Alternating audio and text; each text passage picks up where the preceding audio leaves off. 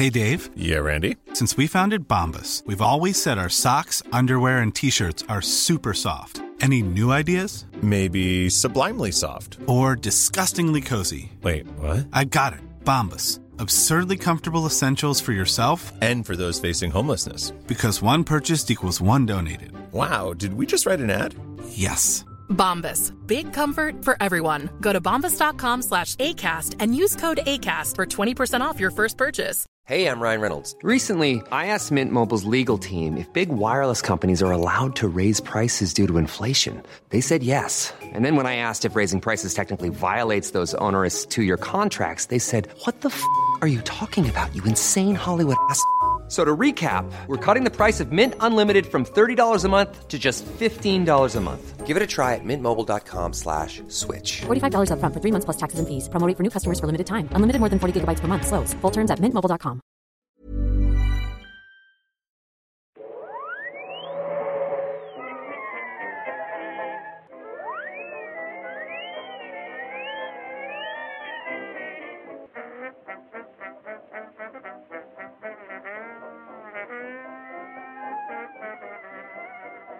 Då börjar jag bara. Yes! Välkommen till Nörden och jag. Det är jag som är nörden, Fabian Det Nordlander. är jag som är jag, Viktor Engberg. Se, nu var vi för taggade. Är det så? Jag tycker inte det matchar oss. Det var lite för MTV gör det där.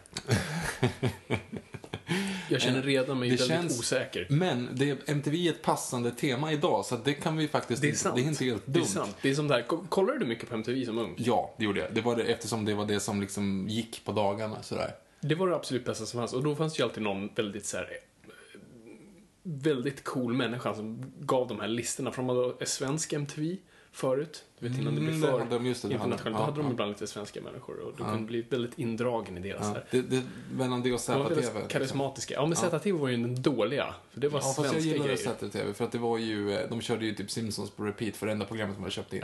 Just det. Så det var bra. Välkommen till podcasten Nörden och jag, presenterad av Moviesin.se. Exakt, där vi sitter ner varje avsnitt då vi inte kör DVD-kommentaren. Då jag helt enkelt försöker bilda Viktor i nördkultur. Saker han egentligen gillar men inte vet någonting om. I och med att jag är bankman och Fabian är filmtönt.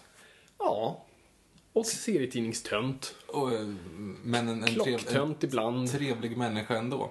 Eh, jag satt här om dagen under min korkek och funderade.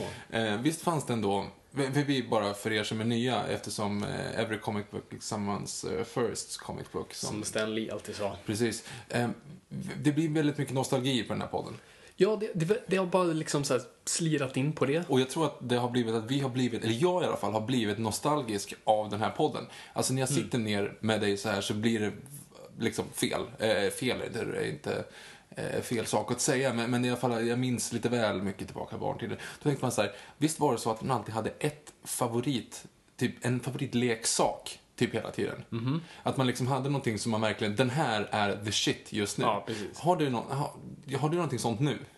Typ en kavaj som du alltid har på dig? där? Pryl, oj. Um, gud vilken bra fråga. Alltså jag är ju en så här prylmänniska överlag. Jo, det, därav. Eh, så jag, jag är ju som sagt väldigt klockintresserad. Mm. Eh, så jag har alltid en klocka jag faller tillbaka på. Vilket är min Seiko SKX 007. Det har inget med Bond att göra fast den heter 007. Uh, sån här riktig traktor till klocka. Ehm, typ det. Sen har jag en skinnjacka. Jag brukar så här den, det brukar alltid vara någon slags standard för de är lite enkla, kan matcha med vad som helst och väldigt simpel och varm i alla bra situationer. Vad var det när du var yngre? Vad var din liksom favoritgrej som du hade då? Då Och det var ju perioder självklart, men Ja, kan du de perioderna i huvudet? Alltså min, min Batmobil från The Animated Series var, alltså i slutet av dess levnadstid var helt sönderkörd. Bakhjulen var borta. Eh, De här, det var ju klistermärken på Ja. liksom, som var ljusen och sånt, de var helt borta. Jag hade, jag hade repat upp hela, vi hade så jättefint parkettgolv hemma, så när hjulen åkte av så bara repade jag upp hela det där golvet och var tvungen att slipa om det. Eh, så den var det, sen hade jag men men min- där, vad, har du slängt den alltså? jag tror, alltså... mm, Jag tror min mamma gjorde det som allt annat. Jag jag hade ju absolut inte valt, gjort det beslutet själv. Jag hade Nej. ju så gärna velat. Så jag är ju fortfarande på jakt efter den. Jag vill ju köpa den versionen, så jag kollar ibland på Tra- Tradera. Nu är det i och för sig rätt kul, för DC Collectibles kommer nu släppa en sån bil igen, fast så här snygg. Du vet, som kommer matcha min Bruce Tim eh, Batman. Ah, men det är inte Animated Series. Jo, Animated Series. Ah. Batmobilen. Och Fan. den kommer ha fungerande lampor och alltihop. Så den kommer jag nog köpa någon gång. Men jag försöker också hitta den, den gamla faktiskt, i, försök, i hyfsat pristin form liksom. Funny you should mention that. För eh, jag var... Jag, au. jag överräcker här med den här. Till dig. Vad, vad, vad har du gjort? Den är väldigt, den är väldigt använd. Det är inte jag, utan jag hittade den också liksom begagnad. Så att den är extremt använd. Men det är en Animated Series originalversion, Batmobilen. Det här är helt sjukt! Gud, jag blir typ lite rörd till tårar. Det här är helt sjukt, Viktor. Mm. Och, och jag försäkrar er nu, kära lyssnare, det här var inte en setup. Nej, det var jag, så kul att jag, jag stod och filmade med den och en dinosaurie. Gud vad sjukt, jag, det här känns som jag är i en dröm. Det här är det är originalversionen. Ja, jag ser det direkt. Du, ser, du kan poppa ut här, du vet, på däcket. Du ser det här. Mm. Ser, som kunde då slira upp andra däck. Exakt så. Det är, exakt som det ska Och så, om det här ska gå nu som, Ja. som det ska. Jag tror att den ska smörjas lite grann. Ah, man ska kunna poppa ut ett flygplan. Jesus, gud vad vilket dåligt poddmaterial det här är. Men jag njuter så jag skiter i att lyssna just nu för det här är min nostalgi vi pratar om. Okej, vi vågar inte göra någonting. fast. Men det som är mest fascinerande är att, att ehm, vad ska man säga, dörren, eller vad, vad ska man kalla det? Luckan Luckan ovanpå. sitter kvar och den brukar ryka ganska snabbt. Eller den, den, Mm. den var också borta på min och jag har sett många bilder, särskilt de som säljer dem, är de bort. Viktor, det här är, det här är det vackraste du någonsin har köpt mig. Eh, jag vet inte hur jag ska kunna repaya dig nu. Eh, det här känns som det kommer bli en fight, att försöka så här, öva, liksom, gå över den andra med Trumf, presenter. trumfa varandra i livepoddpresenter. liksom. Exakt. Men, men eh, slit den med hälsan. Åh, och så kan vi helt enkelt övergå. Det är en bra bridge till eh, en annan nyhet vi har. Och det är att vi Sorry, kommer... jag, kan äh, Alltså jag är, ja gud Viktor. Jag ska, eh, ni som följer oss på Twitter, jag ska lägga upp en bild på den här sen. Så, ni får, ja det här, jag är helt... Åh, min flickvän kommer mörda dig Viktor. Förstår du vad du har gjort? Den är så stor. Alltså jag är... Det är en dröm det här verkligen. Jag kommer vakna upp om tio minuter och bara säga Hade den. I alla fall, Okej, en, så en, en nyhet för er lyssnare som inte finns på Twitter är det väl egentligen.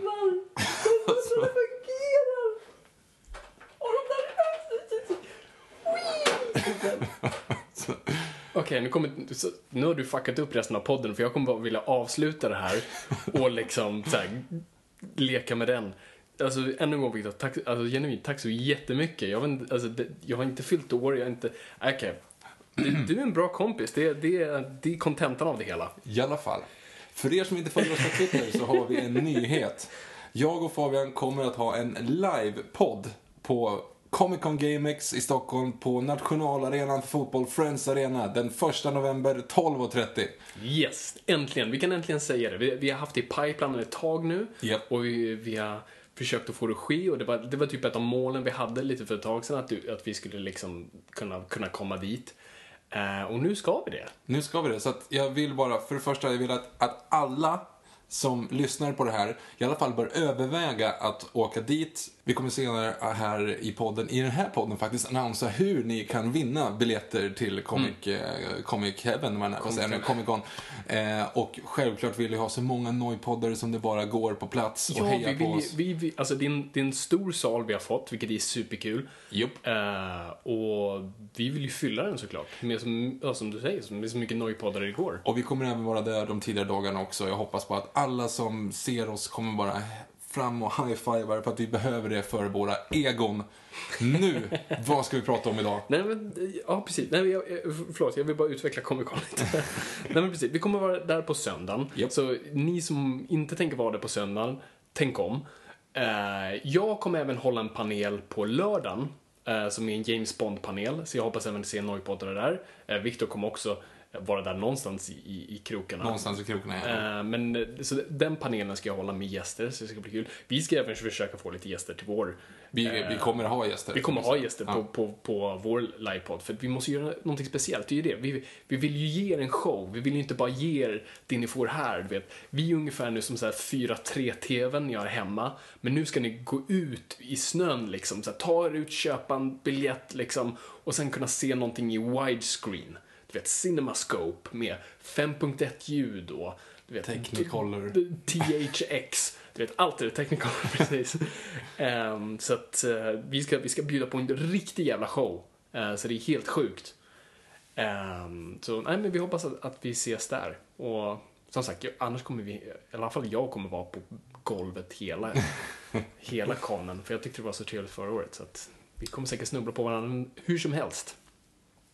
Så, nu ska vi prata om eh, det vi ska prata om. Den här Batmobilen. Eh, Alltså, det här är helt sinnessjukt, Victor. Att du kunde lista ut att jag tänkte på det och att du... Tänk om jag hade sagt, ah, den där, mitt lilla lamm, Lambi. ja, det var, Han, då hade eh, du inte fått den. Nej, Liksom.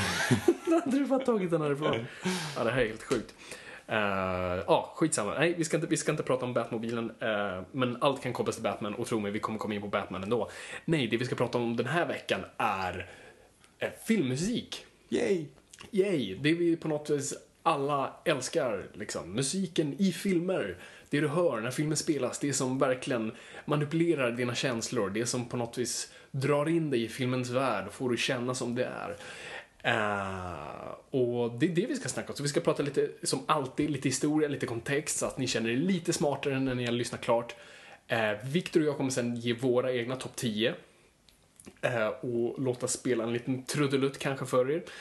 Eh, och det här är som sagt inte topp 10 på världens bästa scores, utan det här är våra personliga listor. Så att Sant. bli sant. inte allt för arga. Men, eh, så vi ska försöka. Och jag vill bara tillägga, av rent juridiskt skäl, vi tjänar inget på den här podden. Eh, det här är i utbildande syfte. Vi kommer prata över det, de styckena vi väl har och de kommer inte vara längre än 30 sekunder. Så, Och vi har inte gjort någon av låtarna vi spelar. Nej. Och vi har köpt. Inget av det här är nedladdat. Så då, då vet vi, alla advokater som lyssnar, det här är bildande syfte. Vi, i, i, i, absolut sämsta fall har vi sålt era skivor. Eller hur? Eller hur? Eller hur? det är det ni lyssnare kommer göra efter, eller hur? Ni kommer gå och köpa skivor. Eftersom de som advokaterna som äger Batman-scoret lyssnar på det här. Och Mhm. då kommer vi att... Hur som helst, jag tycker vi bara kör igång. Vi kör igång. Åh! Fan, jag, jag ska sluta göra de där. Åh. Jo!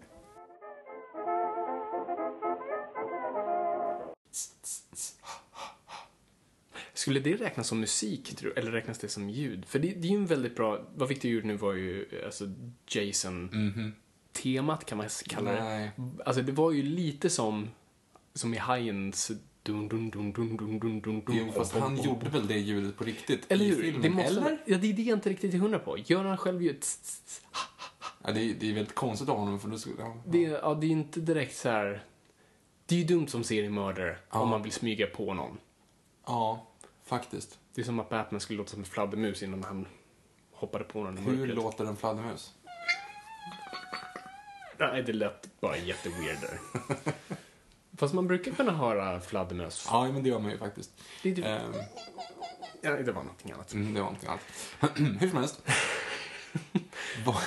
Ja, eh, film, filmmusik. Filmmusik. Eh, om vi utgår bara från en så här personlig eh, ingång någonstans, eh, hur, hur man fastnar. Kommer du ihåg hur du fastnade liksom, för filmmusik någonstans? Nej, alltså den första man kommer ihåg är, eh, tror jag, Jurassic Park. Alltså, när, eh, när han vänder sig om, när liksom Brachiosaurusen ställer sig upp och så du vet, crashar ner. Att det är den man kommer ihåg som första score, men jag, jag vet inte. Det här är en extrem efterhandskonstruktion. Ja, nej, men det roliga för mig är faktiskt att min ingång är du någonstans. Oj, Sagan om ringen? Nej, innan det. Star Eh, Wars? Precis. För, alltså, eller för min familj, är, eller min far är väldigt musikintresserad. Så han har alltid spelat mycket musik och särskilt mycket instrumental musik, mycket klassisk musik. Så där har ju liksom där någonstans börjat ett frö satt så att jag ska vara mottaglig för det. Men sen är det inte förrän du, jag kommer ihåg, det här är trean liksom, i tio bast. Och du kommer in i fik, i fikarummet kallar man det? Typ matsalen när det är typ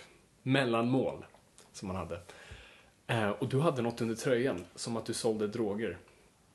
Och så bara, här, säg inget till någon.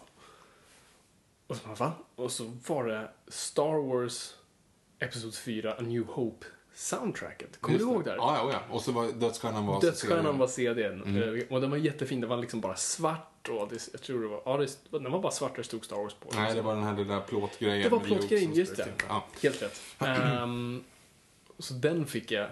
Jag vet inte varför det var så mystiskt. Var väl så att, Vi skulle väl inte visa en för Molgan, antar jag. ja, exakt. Eh, så att eh, den fick jag och den lyssnade jag till döds. Alltså den gick inte att lyssna på sen. Alltså den var ju sönderrepad.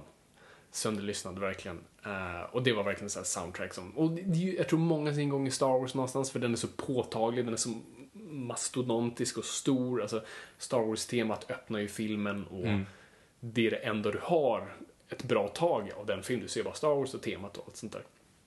Så det var nog liksom det första jag kan komma ihåg, liksom den tio där. Och sen, oh, som med allt om man intresserar sig, ja men John Williams kommer man ihåg då. Och då blir allt John Williams gör, liksom, han blir gud. Men det blir ju som Indiana Jones och allt Spielberg gör. Och, Jurassic Park då, framför allt. Så det är väl det. Och sen liksom via Bond också. Alltså, allt börjar med Bond för mig också. Så det är bara liksom där någonstans. Men det börjar ju tidigare än så. Är det så? Ja, det börjar ju. Allting startar inte med oss alltså? Nej, dessvärre icke. Utan vi måste gå tillbaka nästan hundra år. Det blir Ja. längre till och med. Nej, egentligen Inte? Okej. Ja. Vi är födda 90 Mhm. och runt 1895 ska vi gå till. Så det Ja, 120 år precis då. ja, från nu ja. Jag menar alltså Jaha, du menar så. 100 år Okej. från oss. Som, vi, som universum kretsar runt oss, Viktor. Just det, dum jag. Förlåt. Precis. Eh, för du har ju filmen som, som börjar där liksom, slutet på 1800-talet med mest bara massa testgrejer, du vet. Människor som kommer ut från en fabrik och du vet, tåget som kommer mot skärmen och alla flyr, vilket är en myt.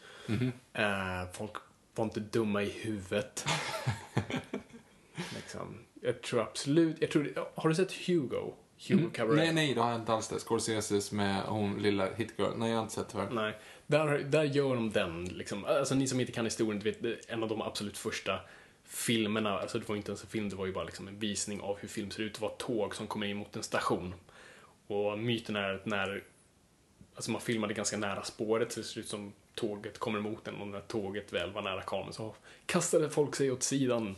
För de trodde den skulle åka igenom liksom, skärmen. Och så var det inte. Men han gör en tolkning typ att de rycker till snarare än att de flyger. Så det kanske var så, vem vet. Eh, men runt där, man har börjat göra tester och det är framförallt Edison som ligger bakom den här tekniken ganska mycket. Och hans, alltså Edison är väl typ ungefär som Ericsson, alltså det är inte Edison själv som gör mycket av grejen, utan han har massa små människor.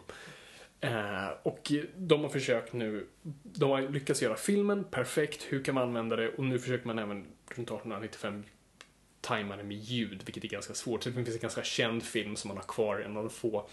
Då är det ett par som står och dansar. Och strax bredvid står en snubbe med fiol och spelar in i vad som ser ut att vara en grammofon. Och det är där man försökte liksom fånga ljudet och synka det. Men det var, det var en ganska dyr och svår teknik att göra i längre format och hur man fångade ljud. Alltså, tekniska grejer. Så vi börjar ju med stumfilmer. Och stumfilm är ju egentligen ganska dumt uttryck, för stumfilmer som jag sagt förut var aldrig tysta. Alltså, jag har, tro mig, jag har suttit på stumfilmer som inte har sitt ljudtrack kvar och det är plågsamt. eh, magar kurrar, folk hostar, det är horribelt. Och jag såg en sån här rysk, så här, gammal sovjetisk stumfilm på tre timmar. Det var horribelt på alla sätt och vis. Eh, nej, så att alltså, alla filmer hade ljud, men det var ju bara inte ljud som var synkat på ett ljudspår, utan man hade ju typ, du vet, den här klassiska pianisten vet, som satt där och spelade, och ibland hade man en orkester. För ibland skrev, alltså, alltså att filmmusik skrevs var inget ovanligt. Att var ju fortfarande att folk faktiskt skrev, att man skrev musik till filmen som sen du vet skickade ut till biografen. Här är noterna, spela det här till filmen. Och då visste man liksom på cue, cue points också liksom att när Exakt. den här scenen kommer ska det vara den här låten och så vidare. Ja, precis. Eller man spelar ganska kontinuerligt. Alltså, det fanns ju en timer, du vet den här eh, ja, den kom ju lite senare, vet, nedräkningen och sånt där. Men man, man visste ungefär när man skulle köra. Men det var alltid, synkproblemet var alltid svårt. Eh, och det är inte förrän sen liksom, ljudfilmen verkligen liksom, kommer som man börjar mästra det. Och, och det är väl, alltså först, alltså milstolpen är först 1927 med The Jazz Singer. som är liksom den första riktiga, kallar man ljudfilmen. Och det var ju också ett sätt där, och, och, och för, varför man gjorde det var ju ännu en gång för att göra ett spektakel av att det var ljud. Jazzinger handlar ju om liksom musiker och sångare. Så att det handlar liksom inte bara om pratet, utan det är alltid musiken som, som tar en liksom, så pass stor plats. Och efter 1927 börjar liksom ljudfilmer verkligen ta fart. Och sen är det, inte, det är först också Disney som verkligen typ matchar ljud och bild väldigt bra med sina tecknade grejer, för att de inte heller kunnat. Så att när de har en Musse Pigg, vad heter den där Musse Pigg? Steamboat Willie. Steamboat Will, precis. Den, den verkligen så här bemästrar den konsten på så vis. Så att, eh, nej men så, så det är där 20-30-tal och det blir mer en, och särskilt sen när depressionen liksom sätter igång, då måste vi göra spektakel. Vi måste få folk att komma till biograferna. För att folk hänger sig och kastar ut från fönster. Vi måste ju vara glada. Så då måste spektakel bli väldigt viktigt. Liksom. Social realism bort. Så musikalerna börjar liksom dyka upp här. Eh, och det blir superviktigt. Och ljudet måste finnas där. Och det är ungefär som 3D idag. Du vet, vi måste locka folk till biograferna så att vi har, gör ett spektakel av det hela. Så färg och ljud var liksom... Ja, precis. Eller Färg kommer ju, kom ju mycket senare, Ja. men ljudet är först. Och det är där termen talkies Mm. vet, växer fram. Eh, och, och där dör ju en hel filmbransch dessutom. Det är ju det som är ganska kul. Alltså skådespelare som var, hade, liksom, var bästa på vad de gjorde. Bara att deras, deras jobb försvann över en natt för att de var ju Hade fula röster. Exakt, alltså många hade fula röster eller som i, det har du sett The Artist? Ja, ja. För det, där handlar det ju om en eh, stumfilmsskådis som, vet, blir av med sitt jobb när, när, när eh, pratfilm kom. Och man vet inte riktigt varför förrän i slutet. Mm. Då, eh, då de frågar honom, you wanna do this again? Och han säger, with pleasure. ah, han var fransk, det var det. Han var jättesnygg och het, men han var fransk så han kunde inte prata ordentligt. Och det var ju mycket så, och det är ju mycket det Sunset Boulevard handlar om. We had faces. Och It wasn't... It, I never get... I never got small. I still got... I, I'm still big, but the pictures got small, eller det? I am big. It's just the pictures that got small. Ja, just det, så. Ah, Norma Desmond. Uh, världens bästa film. För övrigt också, Singin' in the Rain har väl också det, va? Singin' in the Rain handlar exakt om det. Just den övergången och hur man, liksom, just de här jättestora mickarna de försöker gömma och, hur, ja, och den transaktionen mellan det gamla och det nya. Så det är en väldigt intressant tid i Hollywood, liksom, hur en hel bransch dör men samtidigt en helt ny föds. Eh, så när musiken väl kommer fram så vet man inte riktigt hur man ska använda den, så det börjar bli så att man börjar typ använda det till genre ganska mycket. Så att så här, romantiska filmer får väldigt sådär, vad man kallar väldigt kvinnliga teman, väldigt sentimentala teman. Och sen har ju, du vet, science fiction-filmen har ju sitt väldigt såhär, eh, metronom, nej, är det metronom eller det, nej. Inte. Lyssna bara på vårt introlåt på den här podden så vi Ja, precis. vad Men vad menar. heter det? Inte metronom utan... Jag vet inte. Någon skriker på micken just nu. Termin heter det. Det visste jag inte.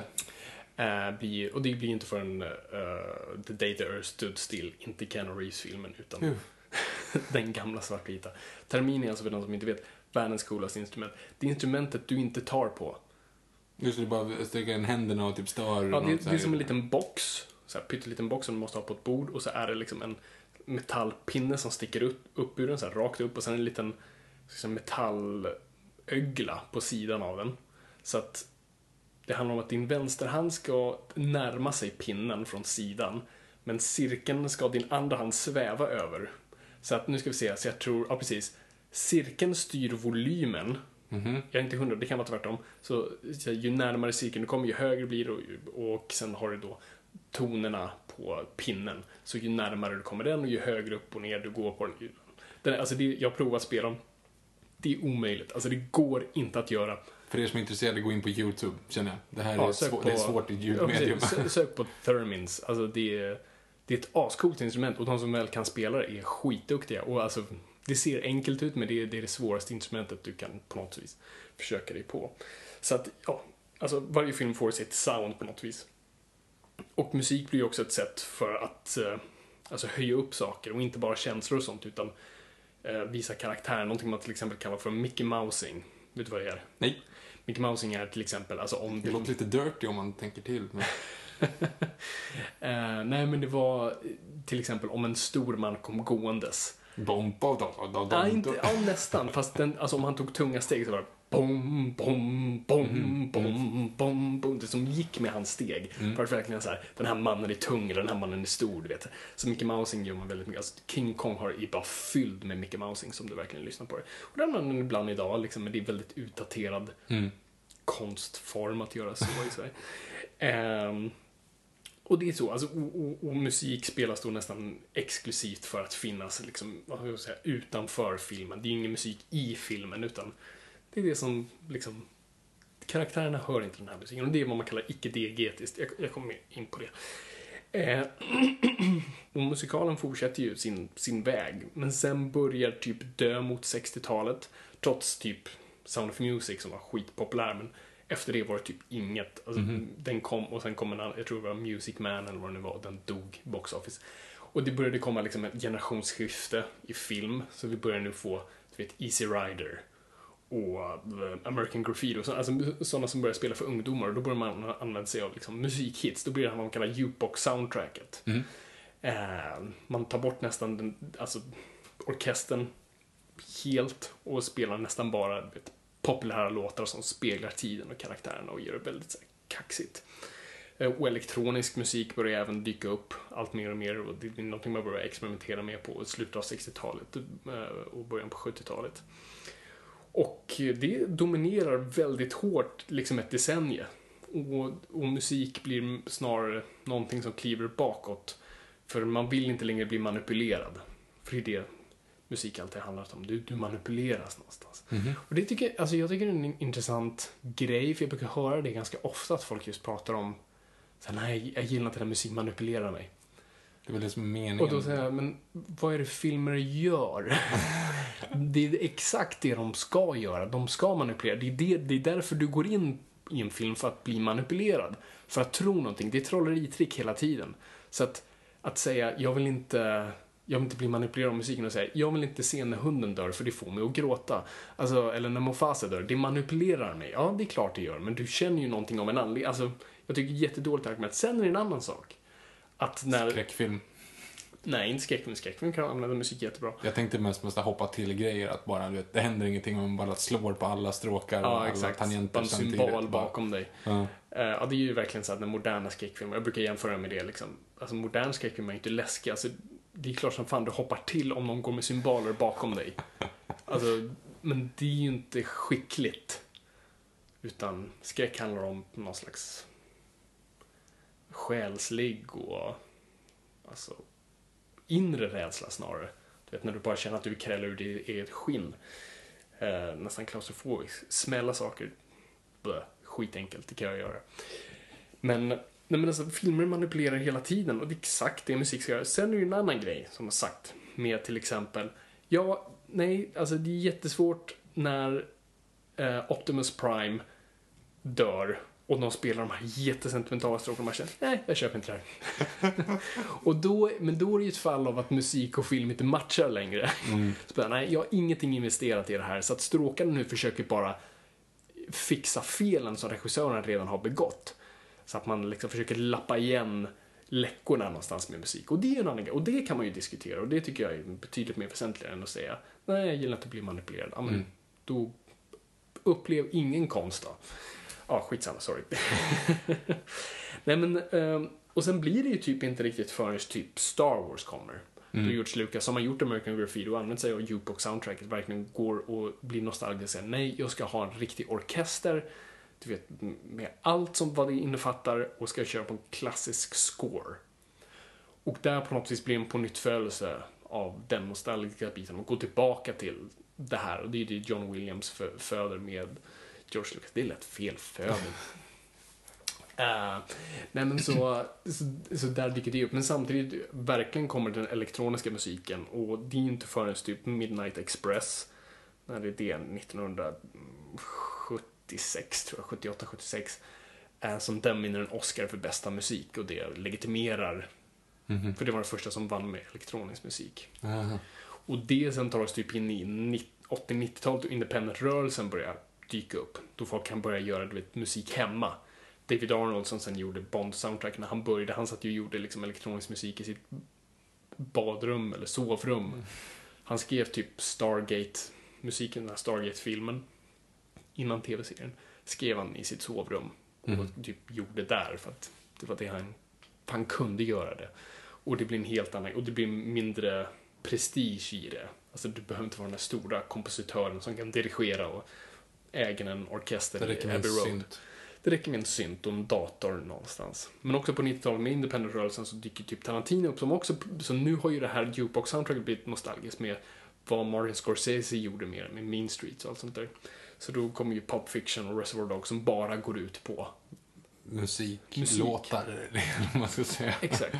Och där man verkligen börjar leka med så här diegetiskt ljud. Okej, då ska vi fråga, vad är diegetiskt och icke-dieget? Det är verkligen så här filmvetenskapsterm. Ni som har läst filmvetenskap vet vad det är och det är en löjlig term egentligen. Men alltså, diegetisk är, di- diegetiskt ljud och musik är saker som existerar i världen. Så till exempel när Uma Thurman sätter på jukeboxen. Mm. Eller när de dansar. Mm. Då hör också karaktärerna. Då den karaktärerna, precis. Men, men den speglar fortfarande filmen och allt sånt där. Men, men det är i världen, och sen har vi icke-diegetiskt. Och det är då musik, alltså Star Wars. Mm. Karaktärerna har inte musiken, vi har musiken. Det är ett, liksom, det, det, vad ska man säga, ja, den går sida vid sida vid filmen. eh, Och är till för oss och ingen annan. Och, eh, ja, och, och sen är vi ju typ där idag, liksom. Nu har vi ju typ en mix av allt det där. Mm. Nu börjar även kompositörer, typ som Hans Zimmer, börja mixa sina liksom, det är inget nytt egentligen, men han har verkligen tagit det till sitt att ta just en orkester, men samtidigt sina da- datorer och mixtrar. Han brukar ju till exempel göra ett dataljud och sen ge det till orkestern och säga försök att härma det här så gott ni kan. Och det blir väldigt weird. Och så många gånger också självklart att du börjar på en musik, alltså som, vad ska man säga nu, en, en låt som, som de hör. Alltså de slår på radion och den här låten och sen övergår den och så blir det typ en clipshow eller liksom ett Ja. montage och då fortsätter låten utöver det. Exakt. Så där har du en dubbel. Det, är en dubbel, det, det finns till och med en, så här, en tvärtom och det är ju, du kommer ihåg i Blazing Saddles eller The Voice of Sheriffen? Då de rider i öknen och det är så här jättepampig så här, ett stycke av musik med orkester. Och så rider de in då och så är det en orkester i öknen som. Ja, tror jag så här, ger eh, dricks eller någonting. Mm. Och där är ju det vända på det, då man liksom visar hur absurt det är egentligen. Liksom, den här bombastiska musiken och vad som händer när du helt plötsligt visar dem och vad gör det med din hjärna. Mm. Det är ganska kul. Så att det, det används på alla sätt och vis. Men vad känner du att vi är idag någonstans om du liksom tänker alltså, på det? det, det är det lite grann som är lite tråkiga med allt idag. Eh, vi har ju ingen stil idag. Tror du inte? Men jag tror inte det. Alltså, på någonting. Vad är, vad är det för musik idag? Alltså vad jag tror är... Vad är, det för, vad är det för klädstil idag? Alltså kommer det kunna vara det? Nu, nu, man sa ju samma sak i början på 2000-talet, vilket är extremt tydligt om man tittar idag. Yes. Men alltså om man tittar på, om, om 20 år, om man går tillbaka liksom, så här, 2015. Vad var det för musik? Uh, jo men det, alltså house och sånt där Men housen har ju varit, nej men housen är väl inte liksom, Nej, housen har funnits sedan 70-talet, men, men den har på något vis klivit fram nu och verkligen... Alltså Avicii-soundet och så här House Mafia-sound, jag- alltså om jag inte lyssnar men så det har ju pågått sedan typ 2008. Alltså det är ju inte Jo, men det har ju riktigt- inte gått ett decennium. Vänta till 2020 och se vad som händer då. Alltså, Jo, men jag menar det är inte liksom specifikt för 25, eller alltså mellan 2010 och 2015. Alltså, jag tror ska det säga, alltid är svårt att se saker när man väl står Ja, där. oh ja. Och sen har man det. Men jag tror modet definitivt, det är en ganska rolig GIF som cirkulerar. Man ser din bild på, du vet den här hockeyfrillesnubben. Du vet, jättemycket hår på toppen och sen jättelångt ner mm, liksom på sidorna. 80-tal deluxe. Ja, precis. Och den här, så här fula, så, här, smala mustaschen. Och sen en bild på du vet, den här supersnygg hipster, du vet med det här stora skägget och du vet rakade sidor. Mm. Och, liksom, och det står liksom Soon this will be like that. Och det jag tror verkligen, alltså vi kommer ju, Jo, alltså. Mm. hipster-looken är ju det som kommer definiera oss någonstans tror jag med liksom väldigt, liksom byxor som är uppvikta till liksom knäna nästan och rakade sidor och jag tror, alltså min teori är att vår period kommer anses vara den nostalgiska perioden. Där vi på något sätt eftersträvar att gå tillbaka till någonting. Lyssna bara på den här podden. Eh, Exakt, just på den här. Jo, men också, alltså, och vår generation väx, vägrar växa upp och verkligen se tillbaka. Och jag tror någonstans, jag tror Mad Men födde det någonstans, för Mad Men verkligen satt en prägel på modet. Eh, för att jag tror någonstans, vår generation är den första som har varit bitter för framtiden. Mhm. Du vet, förut du vet, framtidsfilmer så var allting du vet, så här, skinande rent och fint och allt var så här, allting kommer bli, vi kommer lösa det. Och nu är det så här, nej, jag, jag, vill, jag har inte tittat tio år framåt i framtiden. Åh, herregud. Åh, Det är bara is, att- isbjörnarna är bruna, Viktor. Isbjörnarna är brun. Åh, herregud. Åh. Du vet, det är en sån otroligt bara så här framtidsrädsla. Så jag tror vi tittar bara tillbaka på allt. Så jag tycker allting vi gör någonstans, både när det kommer till konst och liksom kultur och allt det där, vi bara omringar oss av nostalgi och bara tittar tillbaka mot allting. Så att 60-talet, är- alltså modet nu har ju verkligen varit en sån mix mellan 60, 70, 80, 90-talet, allt i ett. Eh, så att eh, jag, jag, tror, jag tror det är det faktiskt. Ja, det kanske är så. Det var bara Det att man inte erkänner det liksom. Men jag tror när det kommer till musiken tror jag någonstans, jag tror verkligen, alltså precis som typ John Williams satte en prägel på så här 70-80-talet, Mm. Eh, så tror jag att det är Hans Zimmer som verkligen satt prägel på, på vår tid. Snarare snarare Alltså det är ju, alltså lyssnar du på eh, eh liksom blockbusterfilm så är det bara honkande. Det låter som, du vet, eh, skepp. Du vet, som kommer till hamnen. Alltså det är ju det är bara sånt soundtrack egentligen. Det. In, inte mig emot, alltså jag, älskar Inception soundtrack och Dark Knight och liksom det var det som inspirerade allt det där. Eh, sen är det ju löjligt när man liksom ser bleka kopior av det. Men jag gillar någonstans, för jag gillar för det, det speglar ju också vad vi gör med film idag, med 3D och allt annat. Vi försöker göra allting så immersive som möjligt. Vi vill få folk att lämna hemmen, gå till biografen och då måste vi bara dra upp alla knappar till 11. Och det speglar även i musiken. Jag tror det är där vi befinner oss. Så kan det vara. Så kan det vara. Så kan det vara. Eh, Det, det finns ju ofta också att de släpper liksom låtar tillsammans med, med filmer. Bondlåtarna till exempel. Ja, just det. Mm. Det är ju ett praktexempel på det. Ja. Eh, när, vet du när de satte igång? Oj. Elvis gjorde, gjorde ju tvärtom. Han släppte, han gjorde ju liksom Ja. Viva Las Vegas. Så det var någon som sa, shit, du har gjort en låt som heter Viva Las Vegas. Nu har vi en film som heter Viva Las Vegas. Och så Mm. lyckades vi sälja en massa biljetter på det. Liksom. Jo, men det är ju någonstans där. eh, Och också med typ Beatles, Hard Day's Night och, och Help. Men gjorde de, de gjorde, ja precis, men de gjorde tvärtom. De gjorde ju en låt. Eh, ja, precis. I alla fall Help. Jag kommer inte ihåg Hard Day's Night. Help i alla fall, det är ju, där släpptes ju filmen och albumet samtidigt. Det var ju liksom en, Mhm, en okej. release i sig. Help är egentligen soundtracket. Om jag, om jag förstår det rätt. Men absolut, alltså, jag, jag tror det handlar väldigt mycket om när, alltså på 70-talet, det var ju såklart innan, men liksom 60-70-talet, då började ju alla de här gamla du vet, eh, filmmongulerna dö ut nästan. De här liksom Jack Warner och alla de där, de gick i pension och de bara sålde filmbolagen. Och de gick över till företag. Så du vet, Warner Brothers blir Time Warner och allt det där. Och då är det ju så att, ja men Warner Brothers har ett skivbolag. De har en studio. De en tv-kanal. Du vet, så man börjar gå på massrelease. Alltså, vi släpper en film och så gör vi en låt och säljer vi plattor på det. Och försök bara göra en hitlåt. För guds skull göra en hitlåt med den här filmen. Så det var mycket det det låg i. Just att försöka bara göra massrelease på allting. Och Bond absolut bidrar till det. Mm. För, för just, jag kan inte komma på någon tidigare än det i alla fall. Nu är inte jag lika påläst, men jag menar From Russia With Love. Mm. Alltså, kan du komma på någon som är tidigare än 1963? Eller 62? När kom Russia With Love? 63 va? Uh, tror From det. With Love is 63, yes. Ja, alltså en, en film som har liksom släppt en låt samtidigt så att säga. Som liksom, kör- Jag kan inte komma på någon tidigare, men Mm. jag det kan inte heller göra det. Det finns absolut säkert. Mm. eh, definitivt. Alltså, Hard Day's Night är ju tidigare. Eh, och, och du har ju som sagt Elvis eh, och allt sånt där. Men nej, jag kan inte komma på något riktigt så. Men det gör det nog absolut. Sen är ju frågan också till exempel, alltså nu, eh, klara hopp, men, men till exempel eh, Aerosmiths eh, till eh, Armageddon. Just det. Släpptes den, gjordes den för det? Det vet jag faktiskt inte. Det ju, För det finns ju säkert många så här som gör typ, när man, någon som gör liksom så en låt och sen så plockas den upp extremt, extremt tidigt av en film och så släpps den liksom. Mm. Ja, vet, Jalla Jalla gjorde ju det. Alltså, vet Daniel Lemmas den här If I used to love you baby, there is nothing like I'm loving you now. Det var väl till Jalla Jalla. Men jag tror att låten kom typ tidigare fast den blev ett jätte, Inte den- jättehit. va- men inte det en superhit innan? Jag tror alltså, inte det. är Jag tror att- Det är en gammal soul-låt liksom. Men Daniel Lemma är ju en svensk artist. Men är den sve- alltså, jag, jag, du är bättre på musiken än jag, men alltså... Okej, är det en det. svensk låt? Daniel Lemma är väl svensk? Daniel Lemma är svensk, men det är låten, är det han som har gjort det i Ja, han gjorde inte, det var originalet, men han gjorde ju den, Jag känner mig så förvirrad. skitsamma, vi, vi gör det enklare. Eh, Black Jacks i natt, i natt. Ja, just det. Ja, där har du ju sånt. Där har du en sån. Absolut. Men var det en låt som var skriven för filmen eller släpptes innan eller Det är samtidigt? ju det som är lite intressant, för jag kommer inte ihåg vad, vad dansbandet eh, heter som Eh, Är det inte Lasse Stefans eller något sånt Nej, där? nej, nej, nej, nej, det- är det inte. Alltså de hette någonting, ja men de hette typ Kurt Göransson och sånt där. Mm. Men sen så gjordes ju, alltså då fick de spela dansbandet i filmen fast med huvudkaraktären är ju liksom sångaren.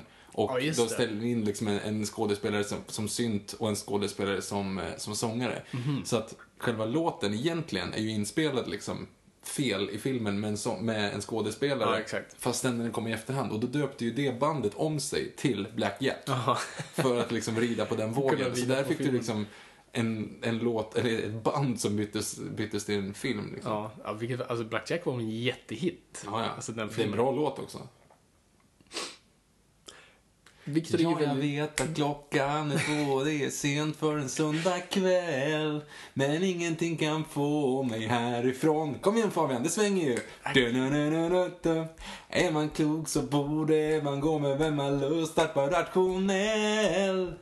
När man har rock'n'roll på saxofon. Du ser, jag låter dig göra bort dig själv. Jag, jag tänker inte delta i det här. Måndag morgon kan vi glömma, är det säkert... Nej, jag tänkte att du skulle vara med. Nej, jag kan inte. Du Du kan väl refräng? Åh, i natt, i natt är det du, är det jag Och vi följer så lätt minsta motstånd med slag Ingenting som vi gör är tabu Inget stoppar oss nu Åh, i natt, Okej, i natt tack, tack, tack. Jag tänkte att du skulle... Victor är ju så väldigt gulligt, så här, supersvensk och du är ju verkligen typ uppvuxen på en så här dansbana. liksom där folk verkligen så här, det kommer ett dansband dit och folk, åh. Tycker jag att du är hård. Nej, jag kan var- vara tuff. Ja, ja, absolut. Jag kan... Ge mig ett beat. Ge mig ett beat, vad som helst. Kom igen. Dra på, luv, dra, på luvjackan. Kommer du ihåg, det finns, eh, det, det finns låtar också som, som betyder mer Är det där, tidigt var det där din 20-tal. rap? För du, du är ju inte med takten His alls. palms are heavy, death state palms are heavy, it's better on his red already. Mom's spaghetti is nervous, but on the surface he look calm and ready. Uh, drops the bombs. Uh, vänta, vad säger jag? Drop vi- the bomb. Jo, jo. vi- vi but, but it keeps on forgetting it. Wrote down the whole crowd goes so loud. It's open his mouth, but the world won't come out. It's choking now. Everybody's joking now. Time's up, up, over blow. He's gone back to reality. Hope the ghost gravity. Choked this old gravity. Both ghosts mad. His nose is up back of the rope. So. Nose broke but your nose is on back. För som inte vet så- lose yourself in the music. För er som inte vet så... Gör det igen för oss Markoolio. Våran Casanova ger oss det vi vill ha. Kom igen, kom igen. Gör det igen för oss Markoolio. Sveriges egen Tupac. Tupac, fan kan man kalla honom för Tupac? De skulle ju bara kalla dem för Coolio som namnet är inspirerat av istället. Ja. Eller vill de, eller var han Är det någon som ska med? Vi drar på turné, är alla på G? Här är mannen ni vill se. Från Trelleborg till Kiruna i norr, via Flen. Är Markoolio på scen? Beställ in en bira och höj nu glaset. Markoolio kommer, det börjar kalaset. Vi öser på och glömmer klockan. Vi gapar och skriker när jag juckar på dockan, vilket var lite barnförbjudet då. Vem är mannen som luktar bäst? Och vem är killen som skapar fest? Markoolio? Markoolio! Ja, För er som inte vet så är, är Victor Rainman när det kommer till sångtexter. Fan, jag Allting bara fastnar på honom. Du är ju inte ett fan av Markoolio eller rap, men ändå så fastnar de i det. Vad, lyssnar du någonting så på Markoolio typ seriöst? Eh, generationer som är så här, Ja, jag tror det. Tror du? Jag tror inte att jag gjorde det. Det var ju ändå liksom... Får man några blod när man lirar rock? Jag må, måste dricka JD, eller är det bra? Kanske måste testa lite booyebop. Jo, men fan, de där, han gjorde ju typ fem, sex låtar som man verkligen lyssnade på. Ja, det kanske gör Ja, jo. Nej, inte jag då. Alltså, det var ju någon sån här typ, nu, liksom dra till fjällen, vad fan det nu var. Liksom de, de grejerna. För när Mm. Men då, var han ju, då, var han ju, då försökte han ju vara seriös och cool, liksom. Vadå, dra I till början, ja, fjällen? men vi drar till fjällen och eh, liksom, då var han ju ändå liksom så lite, lite, lite tuff. Alltså, Innan Kapten ironisk. Mugg. Ja men typ, han var ju lite iro, alltså han var ju inte ironisk på samma sätt. Han var ju bara Mm. liksom så här. Ja men det var ju en, om du kollar de videorna, det är klart att det är lite så här, haha, lite humor. Men fem år senare, då är det ju för barn. Då är det Ja, ja, i skogen och det Ja, då är det Sean Banan över det hela. Ja men precis. You know. Det måste det ju vara. Sean Banan, alltså de som gör Nörden och jag om 15 år, Mm. de kommer ju så här, titta på Sean Banan som vi kollar på Markoolio. Ja, och ja. Uh, så det är, det är intressant. Fan, jag, jag slaktade verkligen eh, Losers där uppe, kände jag. Vad heter det? Lose Yourself, Eminem. Den var ju en Oscar för övrigt. Det var därför jag tänkte Den på vann en Oscar för bästa låt, eller hur? Bästa ja. låt, ja. Så Eminem har en Oscar. ja. Jag har ingen Oscar. Nej, inte jag heller. Nej. Eller Leonardo DiCaprio. Det är coolt att Eminem har fler Oscars än Leonardo DiCaprio. jo, det är faktiskt rätt ballt. Men, men. His palms are sweaty, knees weak, arms are heavy. There's vomit on his sweater already. Mom's spaghetti, he's nervous, but on the surface he look calm and ready. He drops a bomb, but he keeps on forgetting what he wrote down. The whole crowd goes so loud. He opens his mouth, but the words won't, words won't come out. He's choking now. Everybody's joking now. Time's up, over now. He goes back to reality. Oh, there goes gravity. He knows his song. Uh, fan, hur går den? Ja, alltså, det, är det, här, det är det här som är så fascinerande med dig, Victor. Du har ju inte liksom så suttit och pluggat här, utan du, du såg filmen och, fan, och du hörde jag- den på radio någon gång sådär. Åh, och så har den bara satt sig. Det måste vara förbannelse det där, Victor. Ja, ja, du behöver- du har inget att bevisa här, Victor. He choked, he's so mad but he won't give up easy no won't. Knows his back but it's these bro. Fan, jag, kunde, jag trodde att jag kunde den här. Nej, det trodde inte att jag kunde. Men nu, när jag försökte så trodde jag att jag kunde den. Fast jag har, kan den inte. Är jag Tom Cruise i den här storyn? Tar tillbaka allt. Ja, det är du. Fast du försöker nog inte... Ja, det är klart. Ja, skitsamma. Yes. Eh, jag, tror vi, jag tror vi klarar det här. Det var, Jag- det var den det. historielektionen. Jag tror det. Yeah. Okej. Ehm, ska, vi- ska vi gå på våra topplistor nu, eller? Låta dig coola ner lite. Coolio. Ja, här. Japp, Fast den har blandat ihop med Weird Al Jankovic version bara. av Gangsta A- Paradise. Amish Paradise, den är ju, den är ju bra. Den är bra. Hur, hur, hur, skulle den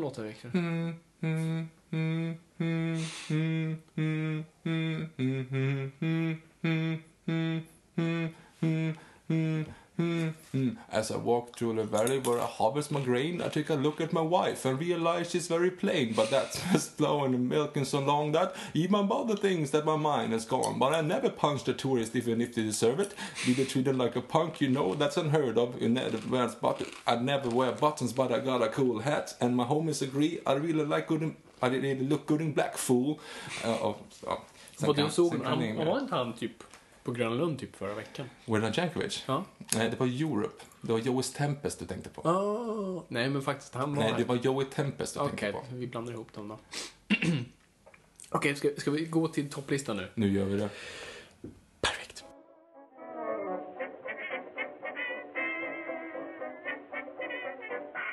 Jag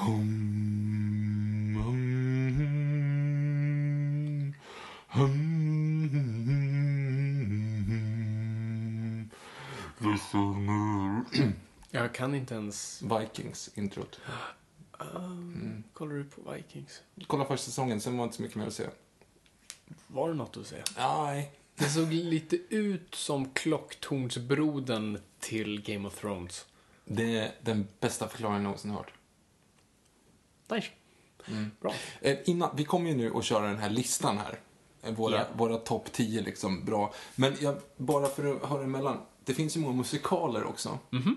Och vi har ändå inte riktigt gått igenom, vad, vad, vad är liksom favoritmusikalerna? Oh! Bra fråga!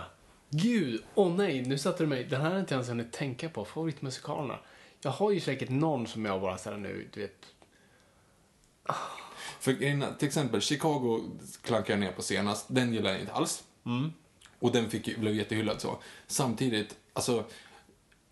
Det är ju, jag har ju listat några av så här, jag har sagt topp tre bioupplevelser någonsin, jag har sagt Ja. på massa olika saker. Yes. Men Les Mis, alltså Les Mis. Misérables, Les Misérables, Le, är ju den, Les Misérables, är ju den coolaste bioupplevelsen jag någonsin varit med om. Det är så. Det är, är det absolut den fan coolaste? i helvete vad bra den var då. Alltså den var bra, men var det det coolaste? Jo men och så, man, det var så jävla maffigt och det är bra låtar och det Åh, Ja, det är Victor i ett nötskal i alla fall. Det är såhär, åh, det är så bra. så här maskulin romans och så här papparoller. One day more. Another day, another destiny. This never-ending road to Calvary. This man who seemed to know my crime Will surely come one second time. One day more. Did not live until today How can I live when we are parted? One day more. Tomorrow you'll be worlds away. And yet with you my world has started. One day Jag känner så att det här var ett misstag den här podden för att ha musik med Victor blir lite som att vi kommer vara klara klockan fem born to be with you But a life I might have known And I swear I Det är will höst be nu. true But you Så blir det never idag. saw me there Börjar bli kallt. Måste börja köpa Nya tröjor. One day more, one day more to revolution. We must zip it in the dawn. We be ready Jag tror jag for grannar. these schoolboys. They will wet themselves with blood.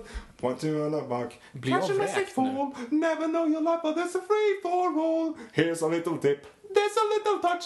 More than someone of the, the one way start. One way to a new beginning. One Jag tror jag tvättstuga imorgon. One more day, but in Tack. Tack. Var det något som lät där? Jag tror det var din operasjungande granne som... Som vill utmana dig? Mm. Sorry. Klockan är... Okej. Det är inte efter tio i alla fall. Nej, det är lugnt. Det är lugnt. Det är lugnt. Så jag tänkte säga, jag gillar den filmen. Är det din favoritmusikal? Eh, du skulle inte klara av en Elephant Love Medley, så jag tror inte att jag ställer upp på den. Nej, Moulin Rouge är ju väldigt bra. Mm. Det är absolut uppe där. För det är lite såhär vår generation. Det var nog den första liksom, musikalen som var gjord liksom, Mm. på riktigt medan jag levde som gjorde någonting kul med det. Mhm, Med använda låtar och sånt där. Mhm, mhm. Du skulle inte klara av Sentins version? Nej, jag, Ja. jag, Säker? jag, tar, jag, jag är Ja. säker. Vi tar en annan gång, Victor. Mm, jag det lovar. Jag ska, jag ska... Hör du här nu, du som lyssnar här, att vi kommer att köra en Love Medley-duett. Elephant Love Medley med Nicole Kidman, Evan Och vill ni McGregor. verkligen höra det så får ni ju köra hashtag Noipod såklart. som vanligt. Hashtag Noipod, skriv Elephant Love Medley. Ah, yes. Nej men, eh, Då måste du vara Sentin. är det så? Mm. Ja. Så jag är bättre på stämmor än du, så jag... Jag kan inte sjunga överhuvudtaget. Nej, exakt. Så att det vore så här, jag skulle ju verkligen gå in för att göra stämmorna och du skulle bara sabba dem att gå över på samma stämma som jag. Så att, Jag vet inte ens vad en stämma är. okej, vi, vi jobbar på det Viktor. Vi, jobbar, vi ska träna du och jag. Mm. Ehm, eh, vet du vad? Jag gör så här. Jag tror jag har min favoritmusikal på listan. Mhm, Oj, Eh, så att vi går in på listan så ser vi sen. smart. Mm. Men jag tycker, vi börjar med dig Viktor, för du, du är så eager att Tack. sätta igång. Eh, jag, kära lyssnare, kommer ju att ha mainstream.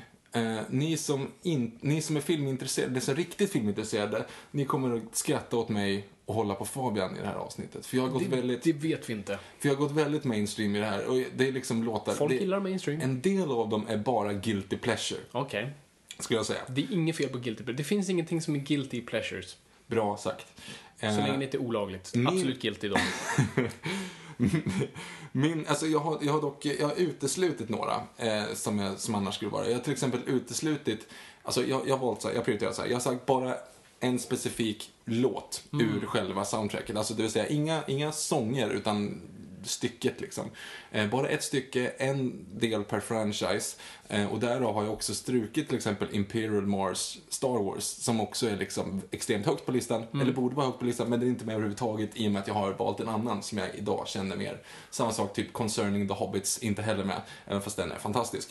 Inte heller då Last of the Mohicans temat som jag tycker är fantastiskt, Braveheart-temat som jag tycker är fantastiskt, Jaws som jag tycker är fantastiskt. Men va- varför har du inte med dem? För att de inte fick plats eller för att... De fick bara inte plats, Okej. men i de andra aspekten. Så, Vänta, får jag bara tillägga det här också? Eller vänta, säg... Okej, nej, Mm. börja med jag har bara liksom det. Så, min tia. Yes. Titanic, Hymn of the Sea. Ehm, är det bara det vanliga temat? Nej. Nej. Det är den, när de går ner i båten, eh, när de ser under vattnet för första gången. Har du den här på dig? Ja, ja, men det har, ja, men det har jag. Vi ska lyssna. Så det här är då... Aha. Det här är Hymn to Sea. Det är Ja. undervattensscenerna. Okay. men det är ju verkligen så Titanic-temat. Det är ju verkligen Céline Dion. Fast, jag vet, fast ändå inte Trodde riktigt. du alltid att det här var Céline Dion? För Ja, det tänkte oh jag. ja, det är klart man trodde det. Det kanske det är? Nej, det är Nej, det tror jag inte. Nej. Din synt som allt annat i den här filmen. Ja, det är så ja. mycket synt i den här Jag hatar kören verkligen. Var försiktig. Okej, sorry, jag ska inte Ja. kritisera Titanic.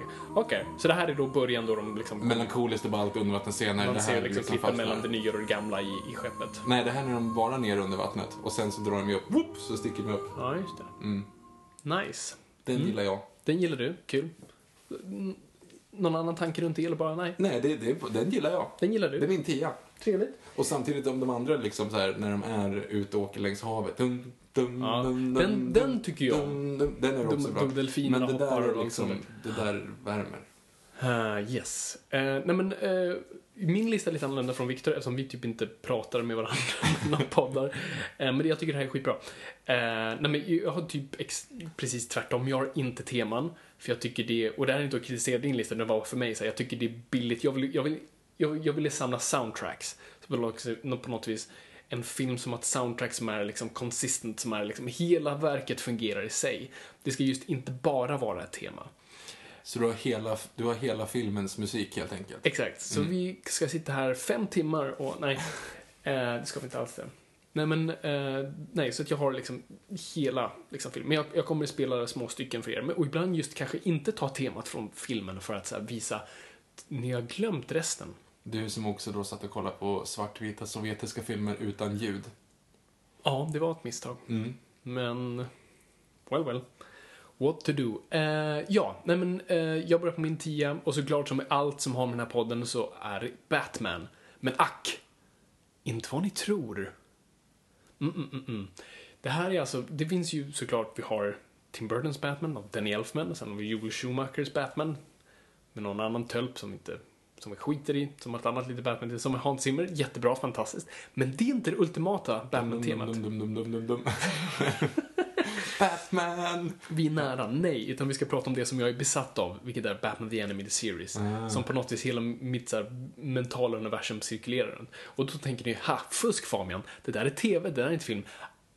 Aha! Så tänkte inte jag, men det kanske... Okej, folk tänker så. Nej, det finns faktiskt en film.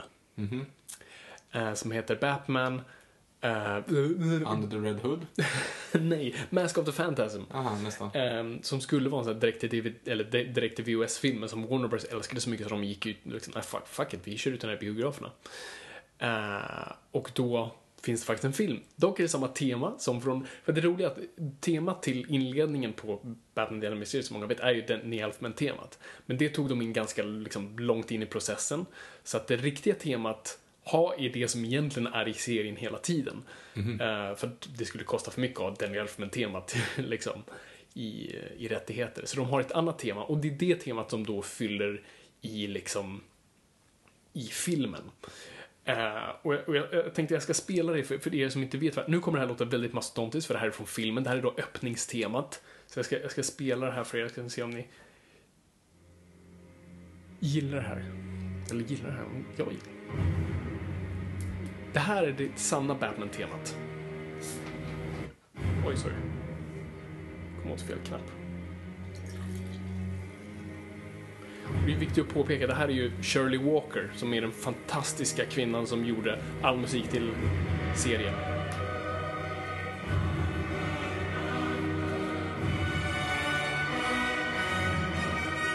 Här hintar den mot Elfman, men det här är temat. Som kommer nu.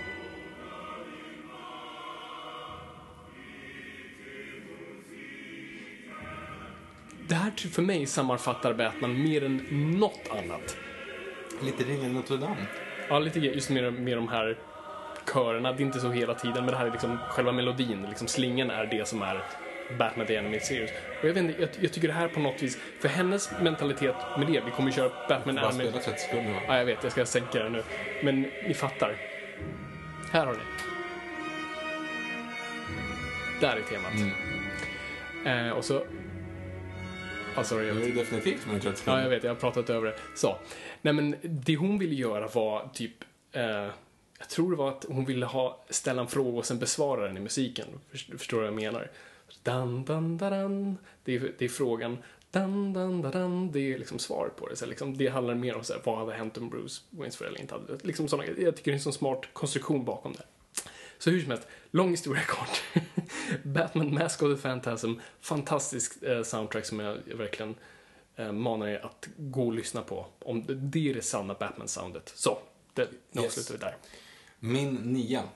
Yes. Också en barndomsfavorit. The Gladiator. Och eh, där är temat eh, The Battle. Vilket är en av de första. Ja, precis. Och den är liksom, den, den är skitlång och den är eh, episk. Självklart. Den, den, den ehm, börjar lite försiktigt. Det är lite gitarr i den. Det är liksom allt sånt där. Men sen så övergår ju den i vad som typ sen blir eh, Pirates Caribbean-temat. Alltså det är ju ett jättelikt dum dum dum dum dum Ja, dum dum exakt. dum. Alltså den, den där eh, är ju väldigt lik i There's never been a faster or easier way to start your weight loss journey than with PlushCare. PlushCare accepts most insurance plans and gives you online access to board-certified physicians who can prescribe FDA-approved weight loss medications like Wigovi and Zepbound for those who qualify. Take charge of your health and speak with a board-certified physician about a weight loss plan that's right for you. Get started today at plushcare.com slash weight loss. That's plushcare.com slash weight loss. plushcare.com slash weight loss. Hiring for your small business? If you're not looking for professionals on LinkedIn, you're looking in the wrong place. That's like looking for your car keys in a fish tank. LinkedIn helps you hire professionals you can't find anywhere else, even those who aren't actively searching for a new job but might be open to the perfect role. In a given month, over 70% of LinkedIn users don't even visit other leading job sites. So start looking in the right place. With LinkedIn, you can hire professionals like a professional. Post your free job on linkedin.com slash people today. Many of us have those stubborn pounds that seem impossible to lose, no matter how good we eat or how hard we work out. My solution is PlushCare. PlushCare is a leading telehealth provider with doctors who are there for you day and night to partner with you in your weight loss journey. They can prescribe FDA-approved weight loss medications like Wagovi and Zepbound for those who qualify. Plus, they accept most insurance plans. To get started, visit plushcare.com slash weight loss. That's plushcare.com slash weight loss. ehm, både Gladiator och um, Pirates Caribbean. Det är samma Men- kompositör där, det är ju Hans Zimmer. Precis, att han har använt den, återanvänt den. Liksom, Intressant. Eh, men i The Battle då, så om ni någon gång har tio minuter över, slå på The Battle och bara sitt, slå, blunda, hög musik och bara slappna av. Trevligt. Det är min nya. Det är din nia, okej. Eh, min nia, nu ska jag bara se så jag har den korrekt här så jag inte lurar mig själv. Eh, min nia är så gott som, yes, nu kommer vi på min favoritmusikal. Och jag tror det här räknas. Eh, Wall.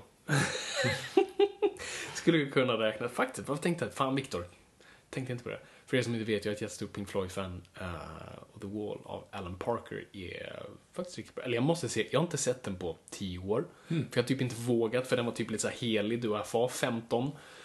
Eh, och sen har jag bara inte vågat se den igen i, rädslan om att det är liksom en katastrof. jag får mig att jag har tvingat dig att se den. Japp. Stackare. Japp. Eh, men nej, det är inte den, trots att musiken är fantastisk där. Nej, det jag tänker på är, och här handlar det också om hur, hur man får in popmusik på ett sätt, och det är Blues Brothers. Från 1980. Uh, Minnie the Moocher. Minnie the Moocher. Och det var ju liksom ett soundtrack som, som just tog existerande låtar från liksom blues, R&B och jazz och allt sånt där. Eh, och gjorde en story runt det. Vilket eh, regissören John Landis, som då tidigare väldigt flitigt använt sig av musik, till exempel i American Werewolf in London, som har liksom bland de bästa soundtracken ever. Du har också, den har jag tvingat till. Den har du också tvingat med sig. Den gillar du va? Ja, det var okej. Helt okej. Eh, för där har de ju också bara poplåtar, men bara poplåtar som har Moon i, i titeln. Eh, vilket är helt fantastiskt. Men han, han då, då ja, regisserade den här filmen. Det var egentligen inte han som satte ihop soundtracket, utan det var eh, Dan Aykroyd och eh, John Belushi som satte ihop det här soundtracket för de var stora bl- bluesfans och verkligen skrev storyn runt musiken. Och jag är ett jättestort fan av den musiken och jag älskar ju de utförarna, jag gillar hur de väver in den i storyn, jag älskar storyn, jag älskar allt med den filmen. Och det är ett, så ett soundtrack-album jag älskar att slå på som jag tycker lever för sig själv. Jag tror det, när den väl sen såldes blev det den mest sålda blues eh, skivan någonsin, vilket jag, jag känner bluesfans som är lite såhär Som verkligen älskar bluesen och har mycket annat eh, bättre liksom. Eh, men det är fantastiskt för de har ju liksom Ray Charles där och, och, och många andra, och Aretha Franklin och massa andra i filmen som faktiskt eh, utför sångerna. Jag tycker den på något vis är, bara slå igång den om ni gillar den här musiken och framförallt filmen, otrolig. Eh, min åtta, som då bara är en del av det, är Prometheus. Inledningsscoret. Jag satt och tänkte på det, det är klart du måste ha Ja, den är ju helt episk också. När du bara går över karga landskap och har liksom den Ehm, också helt fantastisk. Väldigt down to earth så i början, men sen så blir det liksom down to earth. Det var ju en pun utan att jag tänkte, tänkte på det. Ehm, men sen så blir det liksom så här trappas den upp när man väl ser eh, ingenjören där och sen så utgår det. det. Det är också första låten i Prometheus. Eh, fantastisk också. Jag har inte mycket mer att säga om den egentligen, mer än det. Men det är liksom, när du lyssnar på det soundtracket, det är typ bara den låten Ja, ja, jag lyssnar inte vidare. Jag har gjort det en gång, men sen, så var det, sen går jag över till Les Misérables igen. Det är faktiskt sant, för du har ju en spellista som typ cyklar med bara typ teman. Japp. Det har du typ byggt din lista på. Ja. Och det är fantastiskt. Ja, men jag, jag älskar den också. Och Mm. jag tycker mycket om musiken faktiskt i Prometheus är bland det bästa med den filmen. Så det, är- Mm. det är ett bra soundtrack överlag. Sen eh, på min nummer eh, åtta. Eh, så, så såklart, vi måste, vi måste ju komma till Bond. Eh, och då satt jag och tänkte, fan, det är så mycket bra i Bond. Eh, och det är så mycket att välja på, både när det kommer till teman och, och sånt där. Eh, och det är framförallt John Barry som är liksom fadern till, till allt Bond. Och, det, och musiken gör verkligen de filmerna eh, som inget annat. Och det är nästan som Star Wars, du hör och du vet direkt vad det är. Men då gäller det att hitta vilken är den som verkligen ballast. Och, och jag tycker någonstans att ballast är On Her Majesty's Secret Service. Som vi pratar om, vi är båda fans av den filmen. Eh, och jag tycker det soundtracket på något sätt är väldigt weird och väldigt experimentell och han tar in elektronisk musik på ett annat sätt han inte hade gjort tidigare.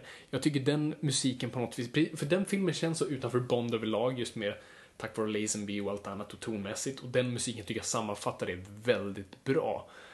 Uh, och nej, jag vet inte, jag, ty- jag tycker den på något sätt bara står ut från allt annat. Jag ska spela ett litet, kort, lite från ett stycke som jag tycker sammanfattar den filmen väldigt bra. Alltså alla känner ju till temat liksom. Dun, dun, dun, dun, dun, dun, dun, dun, Jag är inte säker på att alla kan... Nej, men ni kan säkert lyssna på det. Men, men framförallt det stycket som jag tycker är, är liksom det coolaste är det här som bara sammanfattar hur weird den är.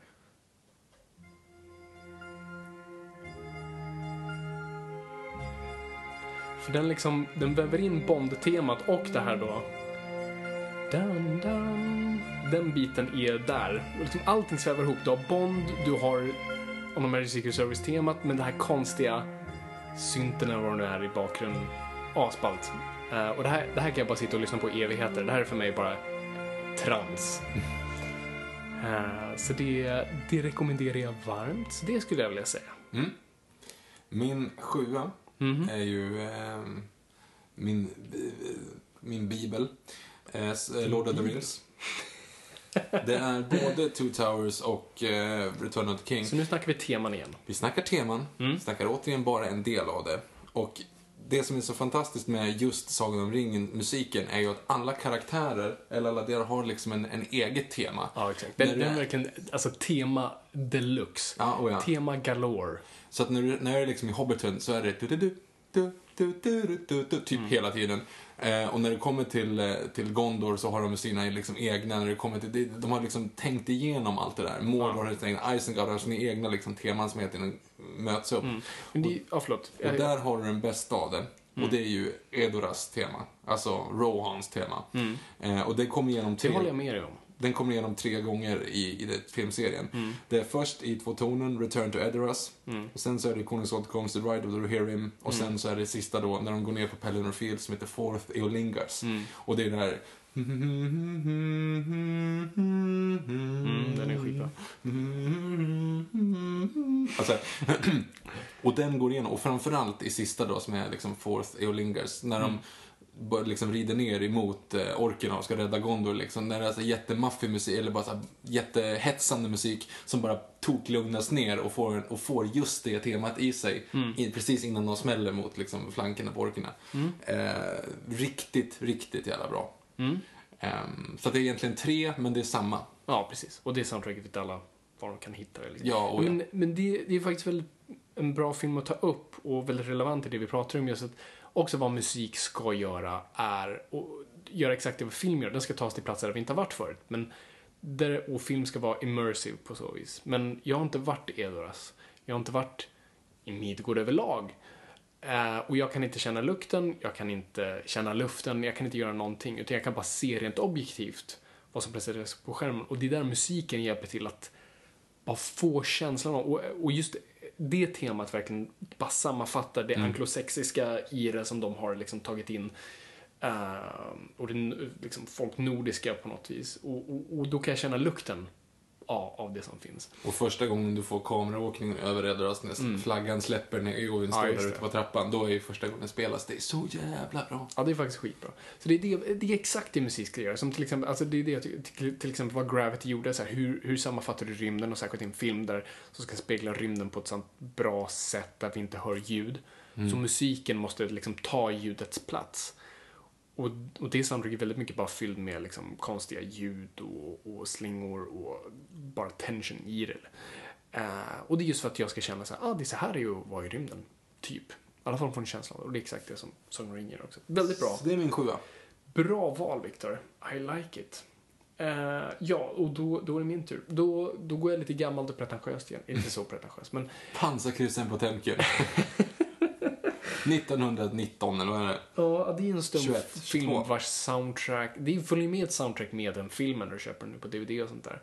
Jag vet inte om det är det som är skrivet för filmen eller om det är någonting man För i vissa stumfilmer har man förlorat de grejerna som man typ har satt ett track senare som man låtit någon ny skriva. Men eh, nej, vi, går inte så, Ah, okej. så djupt i det hela.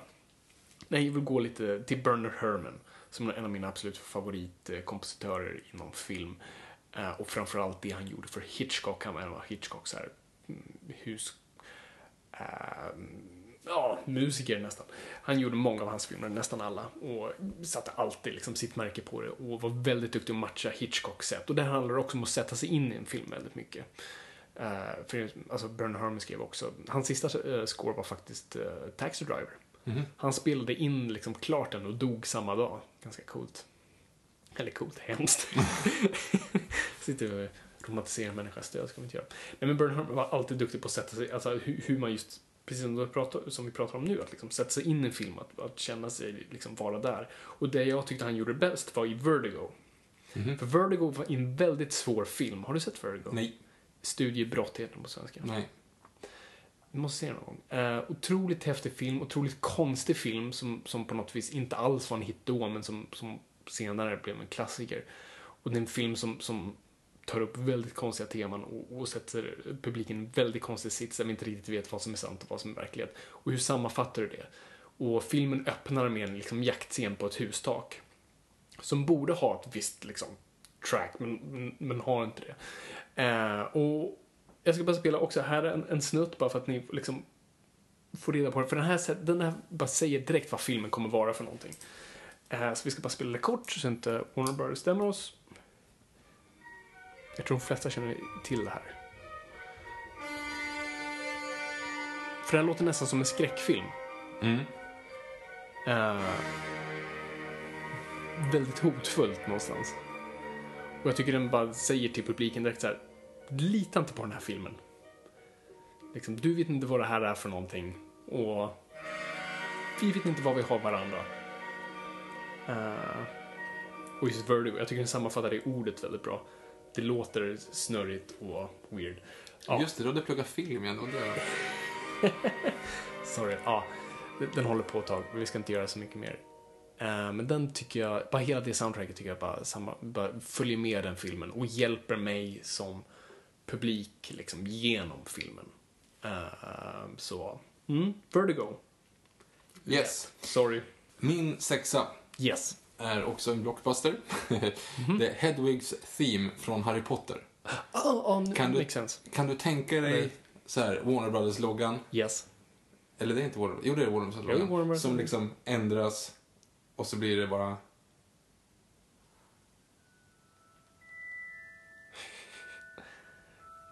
Jag tror det här var... Jag tror det här var typ Harry Potter theme. Heter den Nej, Hedwigs? Hedwigs Theme. Ja, Vad ja. intressant att den... Jag trodde först att det var Edward Scissorhand första gången jag hörde den. Ja, det är ju det är ju lite det. Ja, det är likt. Men där är ju John Williams, vilket är ganska Mm. cool. Han skrev ju typ bara första filmen och temat och sen så inget mer och och det är ändå så ikoniskt. Det är typ hans, egentligen, alltså när man tänker på alla ikoniska teman som han har gjort, det här är ju typ hans sista. Kan du komma Mm. Ja, det på en kanske är. film efter Harry Potter? Nej, det som, han har ju gjort många filmer. Ja, ja, men inte som är så liksom... Nej. Nej.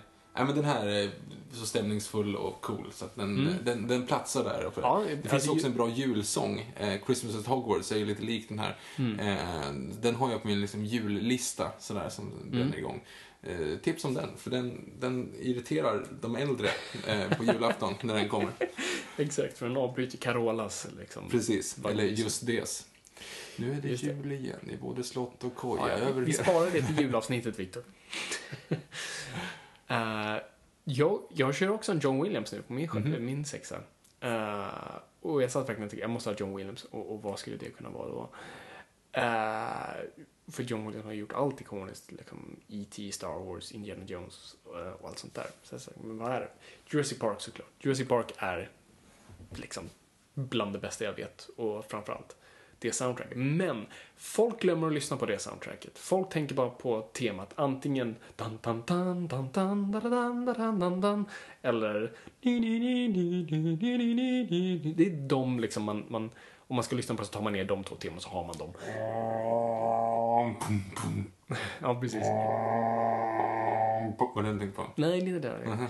Eh, för jag kommer spela just vad, vad som gör det soundtracket så, så coolt. Eh, för, jag, jag, för John Williams har en väldigt så här, mm, vad ska man säga, old school approach till det hela. Han kör väldigt mycket Mickey Mousing faktiskt i sin tv.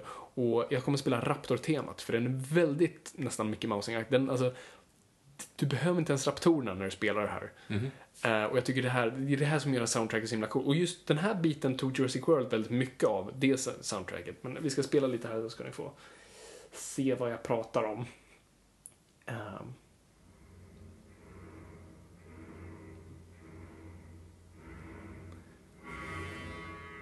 Det låter som, du vet, guppande, du vet, hönshuvuden nästan som... Det här är skitläbbigt. Och, det, och din framåtrörelse, din liksom ständigt hugg och... Det här är skitäckligt. Ja. Ehm, så att jag tycker det är det som faktiskt sammanfattar den filmen bättre än mycket annat. Så att eh, faktiskt, alltså, jag, jag verkligen manar er, alltså lyssna på hela soundtracket av Jurassic Park. För det finns så mycket godbitar där som folk som ofta glömmer. Så snälla gott folk, gör det. Yes. Ehm, min femma är en Star Wars-låt. Men inte den Star Wars-låten som jag tänkte på först. För först var det så här, "Mm, svårt, Star Wars, det är liksom, eh. Men, det finns en i prequelsarna som jag tycker är den bästa. Jag sa, du vet när jag satt och pratade så bara, varför har jag inte den här? Och så hoppades jag på att du skulle ha den. Och du har den, eller hur? Ja, Droid Invasion. Från prequelsen. Ja, spela den. För det här, det här är väldigt, alltså, Victor har rätt, alltså det finns inte mycket bra att hämta från prequelserna. Förutom John Williams soundtrack. Som är faktiskt fantastiskt.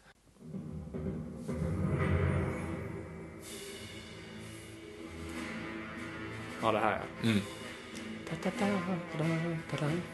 Alltså, de filmerna suger ju.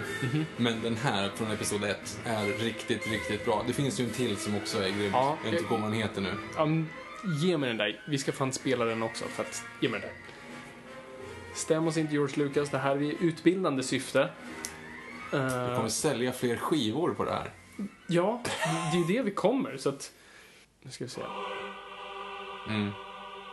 Det här är ju det mest liksom... Ja, är Det här tycker jag samlar hela den film... Eller det Nej, gör det inte. det Det är här, står det. över filmen. Det här kan man lyssna på själv. För det här är så episkt, coolt, maffigt. Mm. Men om det, just det här.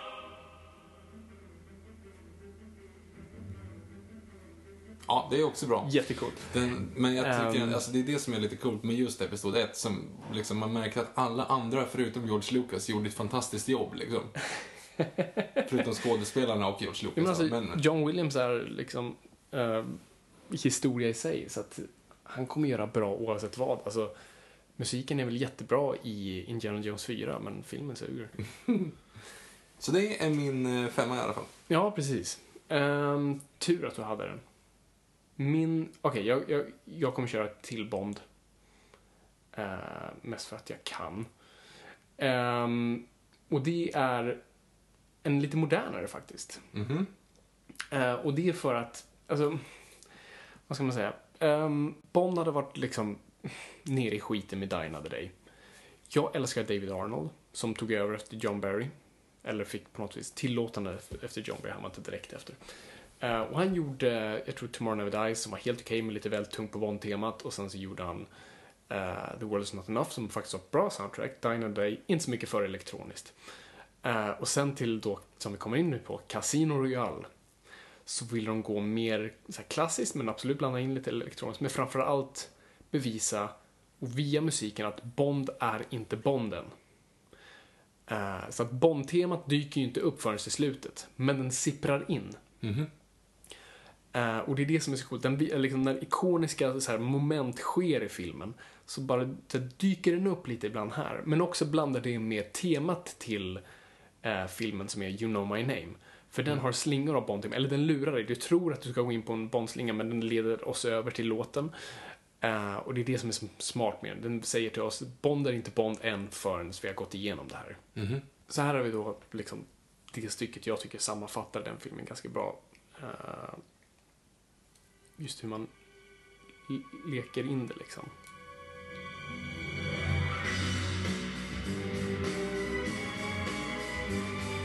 Vi smyger in det, men det, det leder inte liksom temat. För att det som tar över är låten. Men det är fortfarande Bond, men ändå inte. Ja, det, det tycker jag är asballt med.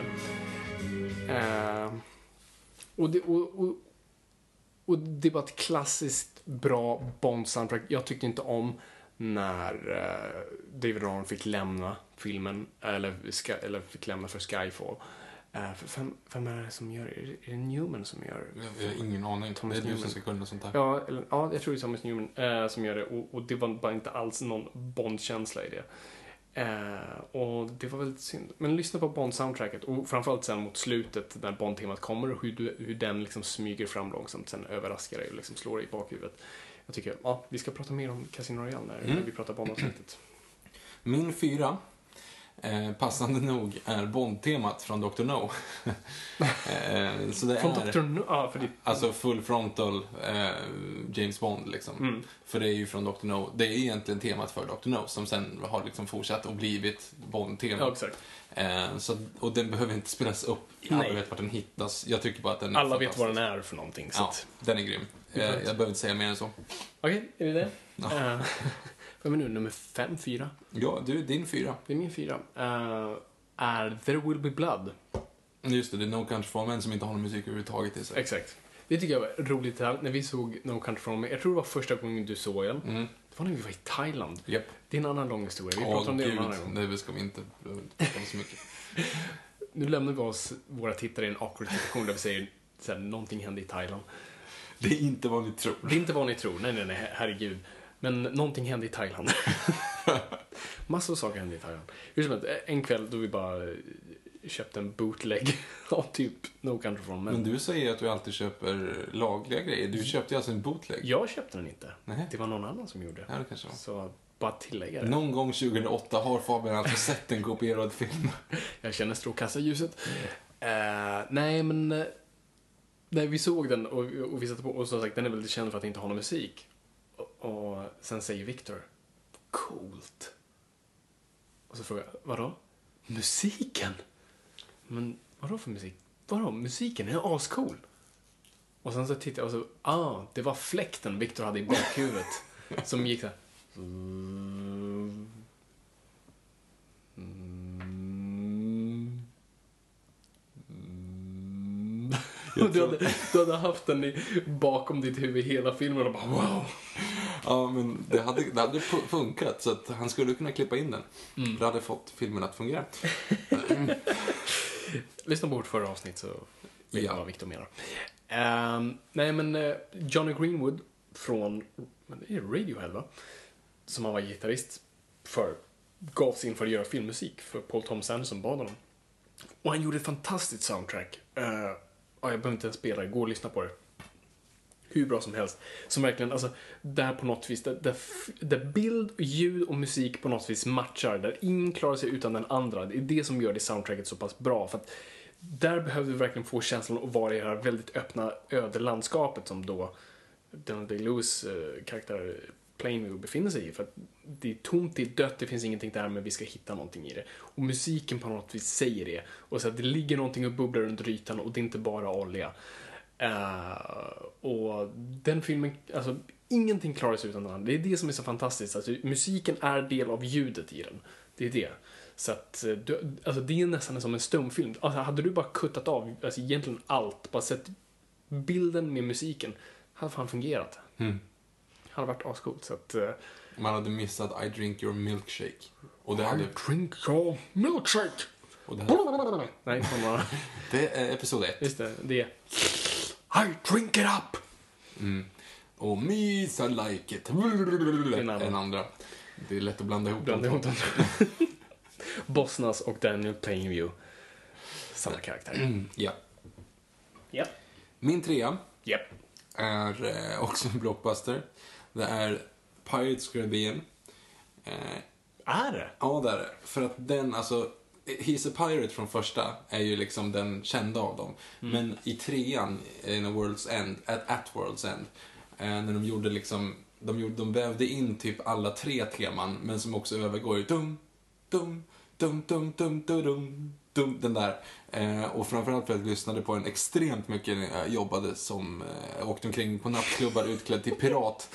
Vi har fortfarande berättat den historien, men vi kommer till det. Okej, vi kan hinta lite grann då att jag åkte omkring på nattklubbar runt om i Sverige utklädd till pirat och dansade på bardiskar till... Det som är så konstigt är att du inte ens fick betalt för det. Du fick bara en knäpp att göra det. Jag fick betalt för det. Ja, jag bara skojar. Viktor var prostituerad, det är det som är grejen. Nej, men jag åkte omkring i alla fall och, och på, liksom på nattklubbar när de hade såna här temafester. Typ. ehm, så det var som att gå på krogen med 300 av mina bästa kompisar, fast självklart nyktert då och därför såg man en studie, studie i mänsklig förnedring. Eh, men då körde vi ofta i alla fall, när vi inte hade, vi hade ju vår liksom eh, hook när vi skulle köra vår låt när vi kommer in liksom. Ja, exakt. Eh, men när den inte, den var ganska kort och ibland så funkar det inte så bra så då körde vi om till He's a Pirate, eller vad säger jag, till Drink Up Me Hard Is Your Ho då, som den här heter. Som Eh, är, alltså, som är också från Disney Ride-temat. Nej, det är inte den. Det är inte utan den. det är dum, dum, dum, dum, dum, dum, dum, dum, dum, dum, dum, dum, Det är dum. inte Yo ho, yo ho, a pirate life for me. We pillars, we plunder, we rifle and loot, drink up me does you ho. Men, nej, inte den. Men den heter Drink up me does you ho. Och det är från At World's End. Så det är också väldigt episkt. Ehm, Ja, men och det, det är väl lite som att säga, alltså det är ju en horribel film. Trean, ja. Uh, all, båda, både tvåan och trean är, alltså Mm. jag kan knappt sitta igenom dem. Eh, men det är kul att musiken är bra. Det är som episod 1, 2 och 3. Mm. Fast det, de är inte ens bra överlag, utan det är bara den, det temat som är bra. Okej, det är bara Eh, tema. sen är det liksom bara så här. Mhm. Vi vänder båten upp och ner så att solnedgången blir soluppgång och då kan Nej, vi åka till andra det. sidan och hämta Jack Sparrow som dog men nu lever han för att han har en massa vita krabbor som får hans båt. När båtarna dör så hamnar de i himlen. Alltså det är jättekonstigt. Det är jättekonstigt. Jag förstår inte varför De fuckade upp det helt alltså. Ja, alltså, och första var inte så bra ändå. Det Första var, är bra. Det var helt okej. Det var kul så länge det var, men någon overstayed their welcome. Mm. Nej, den första är bra. Tvåan, värdelös. Trean är så dålig så jag inte ens vet vart det ska ta vägen. Eh, fyran, den var bara så jävla tråkig. Alltså, jag såg den nu relativt nyligen, eller jag såg på bio när jag gick på bio och det var så här va, va? Vad håller ni på med? Lägg av. Gå härifrån. Så känner så känner jag. Okej, Mm. intressant. Eh, du är klar? Japp. Japp. Eh, min trea då, eller hur? Det är där, jag är så dålig på siffror. Eh, är också modern. Och det är Inception. Mm. Jag Jag satt bara och tänkte- väntade på att den skulle komma. Ja, precis. Ja, men liksom jag så tänkte Hans Zimmer där en gång, så Dark Knight och allt annat. Allt annat. Han har gjort liksom allt bra. Eh, och sen vilken är min för? Jo, men det är faktiskt Inception, för den fyller också en funktion. Jag, jag ser också, som varje gång vi gör listor så ser jag mitt tema i det hela. Och för mig handlar det om så här immersive, liksom, vilken musik drar mig in i filmen. Och det är Inception, för Inception, där också, vad Nolan alltid är så duktig på. Han gör ingenting utan en anledning, allting måste vara där av en anledning.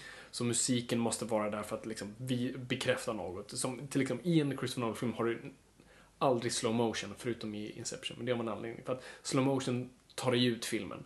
För om du ser någonting i slow motion är det oftast för att det ska vara häftigt. Det har ingen narrativ funktion. Därför jag hatar slow motion när det används fel.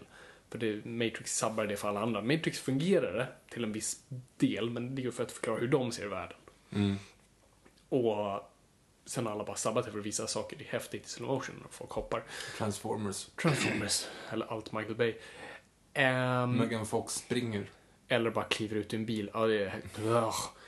Eh, nej men så, så Nolan har alltid varit väldigt duktig på det, att så här, ta saker så här, fyller han någon funktion narrativt, nej då tar vi bort det. Men i Inception så fann han det med slow motion, ja men vi använder slow motion för att förklara hur de, liksom, tidsskillnaderna är.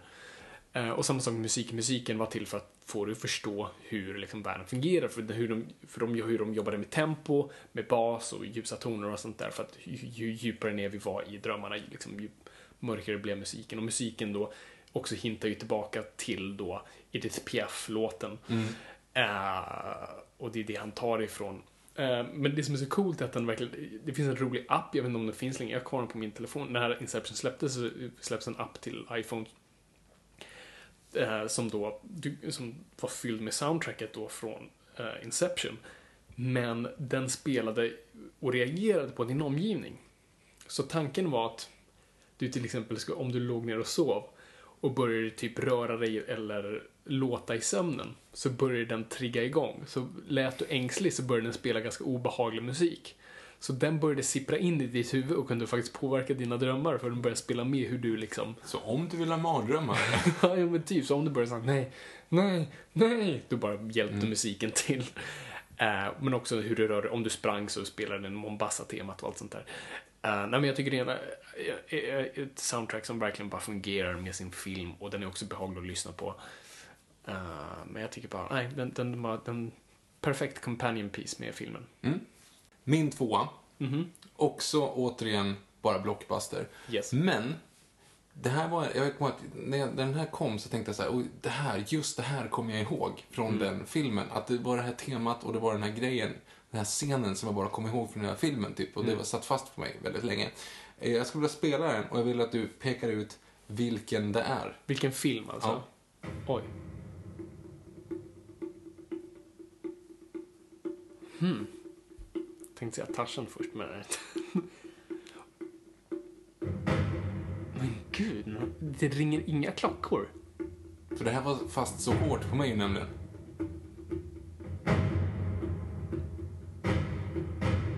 Nej, jag är... Ni där hemma som listat ut vilken det är innan Fabian då kan hashtagga hashtag Noipod och filmens namn. Du måste säga det till mig nu. Ja, självklart. Jag vet fortfarande inte vad det är. Det är eh, Achilles mot Hector i Troja. Utanför Okej. porten, när de, två, när Ja, de bara slåss mot varandra, bara de två. Ja, då skäms jag inte i alla fall. Nej, det jag, jag förstår att jag inte ska. Men det var den, alltså det var, när jag såg den här på bio så kom jag hem och tänkte bara så här, fan vad cool just den scenen var. Och att den bara liksom är egentligen två trummor. Det är den här snabba trumman och den stora trumman genom hela fighten så att säga. Också väldigt så här, när de trippar omkring i början, liksom när båda är fullt utrustade med båda vapen, så säger tipp, tipp, tipp, tipp, tipp, tipp, tipp. Och sen så liksom, när de verkligen går in, när de liksom clashar, så går de här lite ty- tyngre grejer. Så det är nästan lite Mickey Mousing där. Att liksom i träffarna när de liksom slår varandra så kommer stora trumman. Nej, den är häftig. Okej, och, och det är så pass högt upp på din Den lista? är tvåa. Shit. Så här, jag upptäcker nya saker om dig. Otroligt. Uh, Okej. Kul, kul, kul. Då är vi på min nummer två. Och det är, sorry, då går jag bara med pretentiöst igen. Ehm, ja, nej men uh, det är Sunset Boulevard av Franz Waxman, alltså musiken. Såklart regisserad av Billy Wilder som är den bästa manusförfattaren som någonsin har levt. Eh, kan argumentera regissör också någonstans. Men, men eh, Sunset Boulevard är en av mina absoluta, om inte min favoritfilm ever. Jag tycker det är en perfekt film, jag tycker den, den fungerar på alla nivåer som finns. Det är en perfekt noir, det är en perfekt fantasyfilm, det är en perfekt skräckfilm. Det, den har liksom allt. Uh, trots att det är en Hollywood-historia. Och, det typ, och den handlar ju verkligen om ljudfilmen som vi pratar om. Uh, It's the pictures that got small. Så det handlar ju om en, en liksom manusförfattare uh, som skulder upp till öronen. uh, blir jagad av några lånehajar. Råkar svänga in i ett övergivet hus och där bor en gammal eh, stumfilmsstjärna. Som bara låst in sig i sitt hem och han ska skriva hennes liksom, film. Eh, och det blir en jätteweird resa. Men här är också en film som använder musik på ett sätt som, ska sätta oss i filmen direkt. Alltså från första tonen så bara, ah, här är vi. Uh, och också stämmer inte överens med vad du tror det ska vara för film. För du tror det ska vara liksom en melodrama någonstans med väldigt så här, fina stråkar. Men den börjar nästan som en actionfilm. Jag ska, jag ska spela det första stycket där som är också temat Eh, för hela filmen.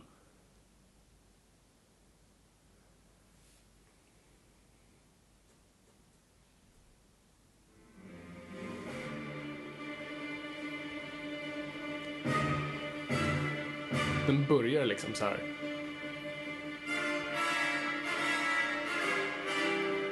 Och det skulle kunna vara en modern film nästan. Den låter ju ganska ändå liksom, det här mm. skulle kunna sätta med en modern film. Och sen blir den lite mystisk.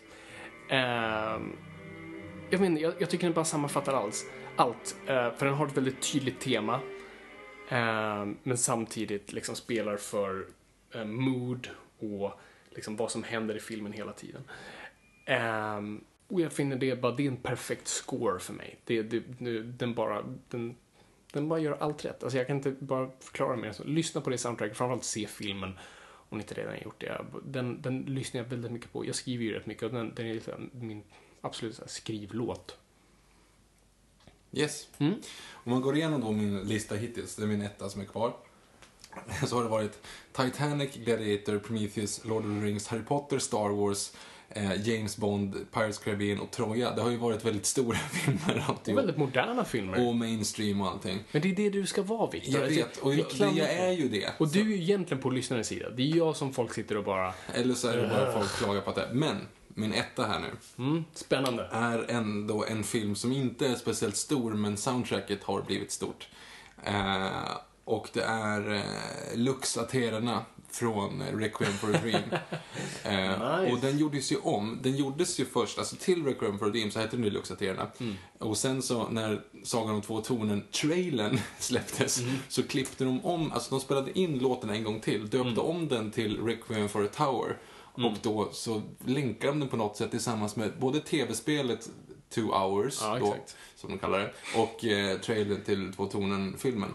Oj, Eh. eh, förlåt för att bara tillägga där, men ju- just när den trailern släpps, jag kommer ihåg, så här, hela min klass bara pratar om den låten. Och Bara, Var kan vi hitta den här någonstans? Det här är det bästa jag har hört. Mm. Och, Och sen så är, den är, man det är det bästa jag har hört också, när det gäller film, filmmusikväg. Men det är så kul, för den är inte med i filmen, förutom då i Reckon for a Dream, där den inte är i den versionen som, Nej, du, det, som det är ju också. Athena egentligen. Utan det är ju en andra, det är mycket mer och det är mycket mer stråkar och mer liksom pampigt i, i, i Requiem for a Tower. Så det här är alltså, den gjordes ju om då till trailern, men lyssna på båda. Jag vet inte riktigt bestämt vilken jag tycker är bäst. Om det är då Luxaterna eller om det är Requiem for a Tower. Det här är Requiem for a Tower. Det här är den som gjordes till trailern. Ja. Som fick mig intresserad av den liksom. Mm. Ja, alla. Ja. Särskilt vår generation bara, what? ja nej, Är det här är- med film? Och så var den inte med i filmen, vilket var den mest besviken, Ja. största besvikelsen med. Vilket är väldigt konst, alltså, konstigt att de gjorde Det det. är så. här är sätter så. igång.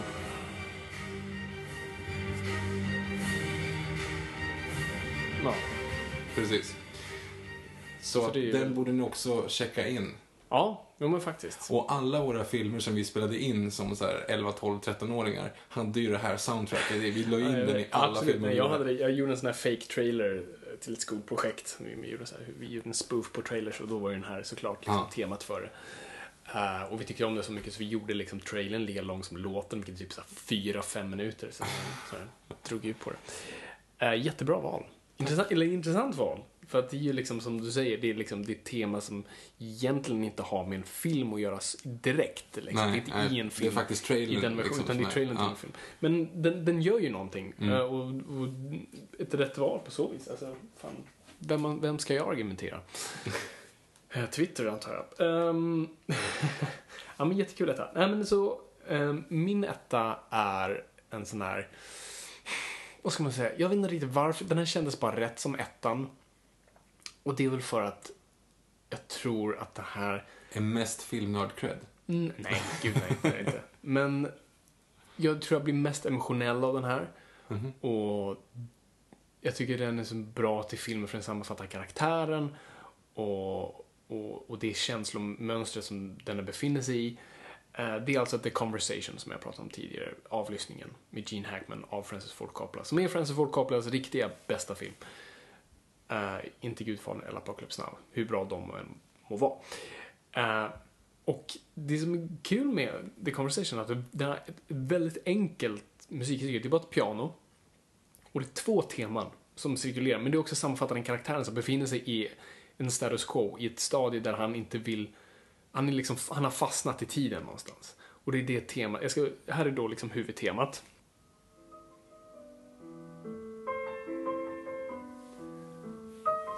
Och det är liksom ett jazzpiano.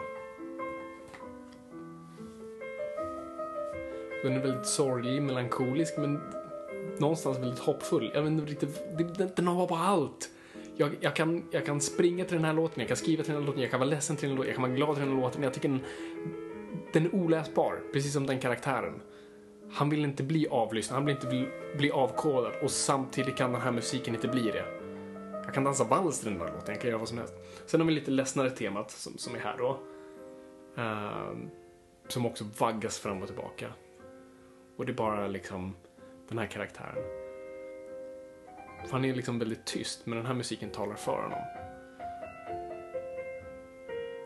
Ja, alltså... Fabian, gråter du? Nej. men jag kan lyssna på de här två temana i evighet. Bara liksom, och för det är hela soundtracket. Soundtracket har liksom ett antal låtar som heter olika, men egentligen bara samma trudelutt. Som bara liksom fram och tillbaka hela tiden. Mm. Så det, det är min nummer ett. Vad härligt. Mhm. Ja, vad trevligt. Ni, ni får ju helt enkelt avgöra vilken ni tyckte var bäst. Nej, du, då kommer Victor vinna. Nej, men ja. Jo, men jag tror faktiskt. Alltså, du står ju med och, och det är det du ska vara liksom. Eh, Men jag är inte svårare. Jag är inte mer komplicerad än så. Jag faller lätt i de där. Jag låter mig påverkas av filmmusiken. Liksom. En annan låt, en till som jag kom på förresten som, var, som är väldigt bra, alltså en låt till en film som släpps liksom i samband. Jag gillar också Donnie Darko, Mad World. Ja, just Alltså det, men det- World som släpptes till Den gjorde det? Eller jag vet inte om den gjorde det, men om det var upplyft genom den i alla fall. De, de var lite grann i symbios liksom. Mm. Ehm, Jag kommer ihåg när den låten var till trailern till ett tv-spel som jag nu glömmer bort. Gears of War. Gears of War. Mm. Eh, och jag spelar inte så mycket tv-spel, som ni som lyssnar säkert redan vet. Jag spelar liksom lagom. Men, och jag har fortfarande inte spelat det spelet, men det var så här, jag spelade det här spelet. Ja, det var För det var första trailer. gången, för det var ändå, det är över tio år sedan, då Mm. trailers fortfarande tv-spel skulle bara vara liksom coola. Mm. Men det här var fortfarande en tio, är liksom, men den här gjorde någonting, det som många gör nu. Nu är ju det ganska vanligt att man tar en låt som står utanför spelet och Mm. ibland väldigt konst, liksom kontrast till det. Även reklamfilmer gör ju det. Alltså, Mm. reklamfilmerna har ju blivit fantastiska på det. Absolut. Men här var det, känner jag i alla fall, en av de stora som var först med det. Och Mm. jag blev direkt såhär, jag måste, jag måste lyssna på den här låten. Är Vad kan du för reklamfilmer låtar till reklamfilmer som du gillar, som du kommer ihåg så? Oj. Nej men gud. Jag trodde du skulle ta en direkt, den som alla, som alla som levde i, början på 2000-talet Jo, nu vet jag en. When you're in the world, world,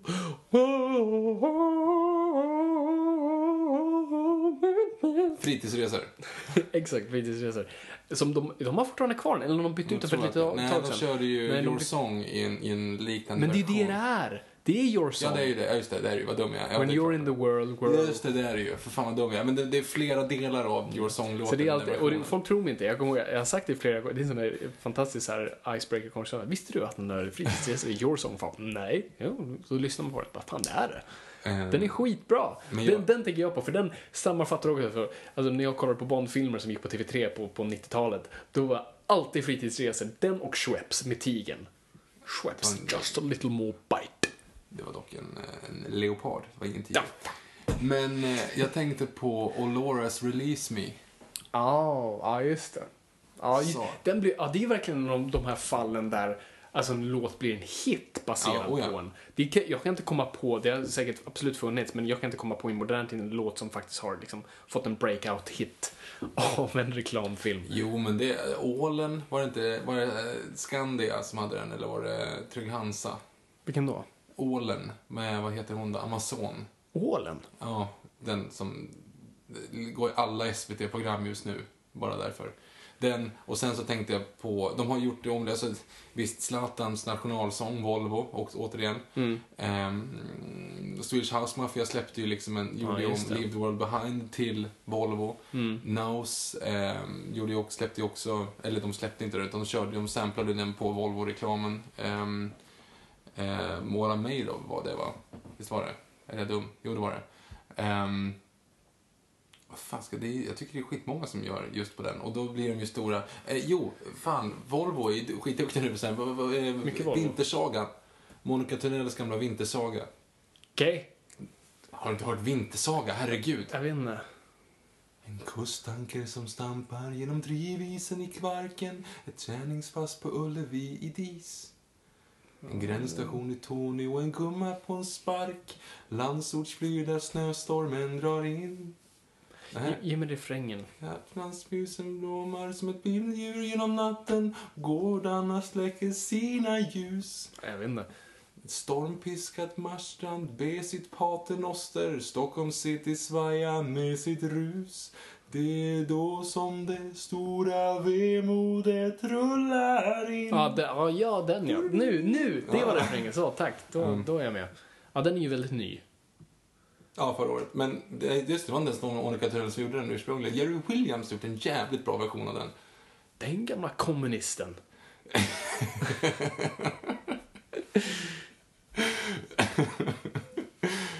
ja, men eh, han har gjort den. Han har också gjort Working Class Hero i en väldigt bra version. Makes sense. på tal om, på tal om, om det du sa. Yes. Vilket också Ozzy Osbourne gjorde, vilket inte riktigt är samma, Nej. samma förståelse. Ja, exakt. Ozzy Osbourne, Working Class Hero, det tycker jag ju inte att han är. Nej, men var John Lennon det? Ja... Han kom från det, men, Jo, men han, han försökte väl sen. alla kom väl från det någonstans. Det gjorde ju Ozzy Osbourne också. Jo, Jerry men efter att ha sett liksom The Osbournes så... Ja, Ja, det är inte riktigt, nej precis. nej. The Osbournes. Det är Alltså- tidigt 2000-talet. Alltså vad jag jag sa- saknar väldigt mycket är liksom gamla MTV, du vet, när- som jag har sagt tidigare, du vet, här, efter klockan tio på kvällen då det var liksom Osbournes och Jackass. Det var perfekta fredagskvällar. Jag kollade på det när det gick, jag kollade inte aktivt på det. Men jag kollade, när det Jag, var på. jag klarade inte av det. Jag, jag vet inte, jag fann det bara fascinerande. Alltså, det För det är liksom bland de första liksom verkligen så reality shower som verkligen var inne hos en så här familj och, och de blev verkligen karaktärer på ett vis. Jo, men, och Robinson var ju farligt då. Alltså under den perioden. Absolut, det var ju, Rob- det var ju- Robinson och baren och Villa Medusa och Jakten Mhm. på ökenguldet var inte det. Men vad fan hette alla de här? Och det var ju farligt. ja, det var, under den ju, perioden. det var ju Motorsågsmassakern om vår tid. Tänk dig, tänk dig om de skulle se liksom ett avsnitt Paradise Hotel. Åh, herregud. De, de moraltanterna 2001, om de skulle se något år, kanske förra året, jag har inte sett någonting i år, jag vet inte vad det är för någonting, Paradise Hotel. Du kollar ju alltid Paradise Hotel. Jag har ett announcement. Jag kollar inte på Paradise Hotel längre. Bra! Jag hoppar av det här. Så jag, jag har haft en guilty pleasure att kolla på Paradise Hotel de senaste säsongerna. Jag vet inte varför jag bara tittade och sen fastnade jag och så blev det någon pervers fascination. Jag kunde inte sluta. Jag hatade mig själv för det. Jag kände mig som munken i Da Vinci-koden. Ehm, men det jag tyckte var så fascinerande med det, eh, och det har jag sagt till dig Victor, men det var att det här var eh, generationen som var uppvuxen på Paradise Hotel. Och det är det som gjorde det så intressant. För att det här var personer som visste exakt vad de var där för, visste exakt vad spelet var, dolde inte det bakom. Det var ingen som sa jag försöker hitta mig själv eller jag vill hitta en partner. Alla var där för helt sin egen agenda. Liksom, skulle vinna, alltså, alla visste exakt vad de gjorde där. Och de hade silikontuttar och muskler och allt sånt där för att de liksom ville vara i TV och de växte upp med Natasha Peire. Och det var jättefascinerande att titta på. Det var ett sånt otroligt intressant socialt experiment. Eh, och jag blev så bara fascinerad att titta på den. Och sen började jag titta den här säsongen motvilligt någonstans, men jag tyckte inte om deltagarna så jag hoppade av. Det är liksom, Så och jag alltså, koll- du tyckte om deltagarna de andra Nej, året? Alltså, de, var bara så, de var så fascinerande. De här var så tråkiga. Eh, Alltså, jag, jag har sett typ ett halvt avsnitt i år och jag såg inget förra året. Året innan såg jag något, men jag har liksom ändå haft semi-anledning för två år sedan. Men ändå inte, alltså jag, jag, jag har inte sett någonting. Jag har sammanlagt sett typ två avsnitt. Ja. Alltså det finns liksom ingen, Nej, och, ingen och jag är verkligen så, alltså jag kollar inte mycket på TV, liksom aktivt så. Eh, och jag kollar absolut inte på såpor. Mm. Uh, aldrig tyck, jag kollar inte på Robinson när det, när det var populärt där i slutet av 90-talet och sånt där. Aldrig tyckte det varit kul. Jag vet inte, det var någonting med Paradise Hotel. Men du som, du som ändå, eller vi var ju på lite auditions och sånt. Du har aldrig varit tillfrågad på just med de Nej, men absolut inte. Men jag vill höra din historia om det. ja, men det var inte så mycket en historia, mer än att de faktiskt, de, två gånger har de ringt från... Jo, från men de har ju aktivt sökt dig. Ja, oh ja. Berätta om det liksom. Nej, men, aktivt. Jag blev bara uppringd och ja, det har hänt två gånger att jag blivit tillfrågad casting för just Paradise Hotel. för var det i och med Wipeout? Det var Jimmy Wipeout. Exakt. Alltså jag var ju aldrig med i Wipeout heller. Men grejen var så att vi, vi hade någon period där när vi liksom var på lite auditions och sånt. Och sen var det en ganska bra sätt att dryga ut studentkassan. Mhm. Och på lite så här, typ 500 spänn för en dag och knalla kring i bakgrunden på filminspelningen Ja, är. Mhm. okej liksom. Och då var det också som sa Wipeout och då de sålde in det som, liksom, ja men du får åka fem dagar till Argentina och så typ hoppa, leka hinderbana liksom. Bara, mm, det är klart. Så gick jag igenom alla de här grejerna ehm, och kom så pass långt att de liksom, men det var ju sista gallringen sådär. Och så skulle de liksom ge då en karaktär. De alla skulle ha en karaktär. Ingen går ju dit som bara säger ja, jag heter Viktor, jag tycker om djur och film liksom.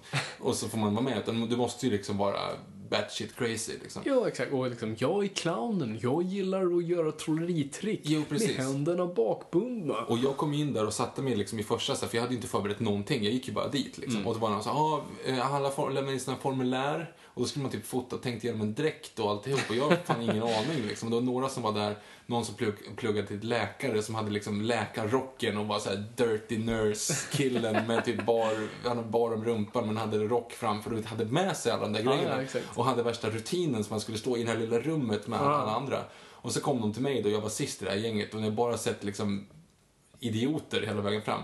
Och jag bara, alltså, jag, jag är ledsen, jag har inte förberett någonting, jag visste inte om man skulle göra det. Så att, alltså, jag gör vad ni vill, typ. Alltså, behöver ni en karaktär så, så Do gör det. whatever you want to me. Ja men ungefär. Och så bara så gick, jag, gick jag vidare från den och sen så gick jag vidare en till och fick fylla i jättemycket så här bara att jag typ inte skulle stämma dem om jag Ja, skulle exakt. bryta benen. Och sen inför sista då så bara, ja men vi har en karaktär.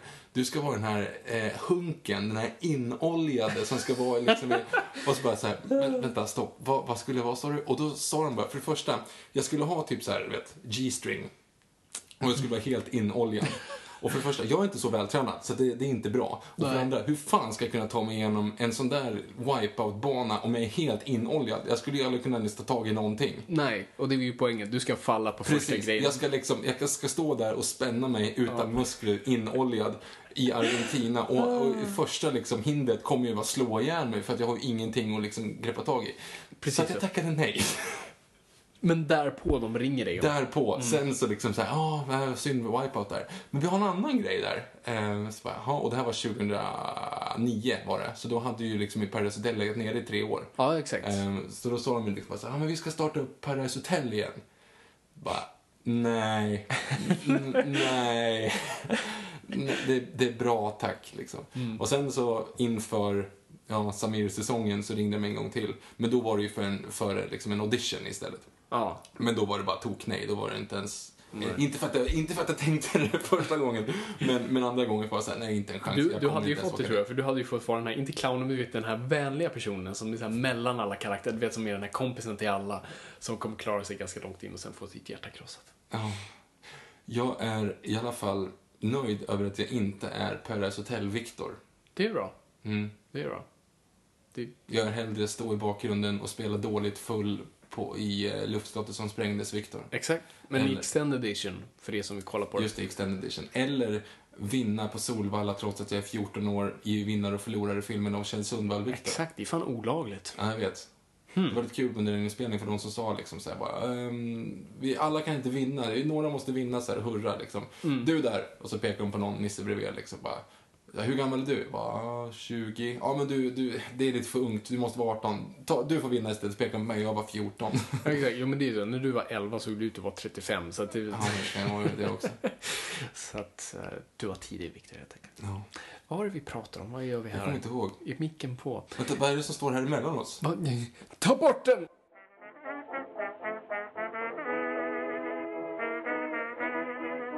Nu avrundar vi. För en gångs skull tänker jag nog säga, det här var inte för långt. Nej, det var inte för långt. Däremot så blev det liksom lite, lite stickspår och nästan lite så här personligt. Ja, eller hur? Folk vet för mycket, så nu måste vi mörda er.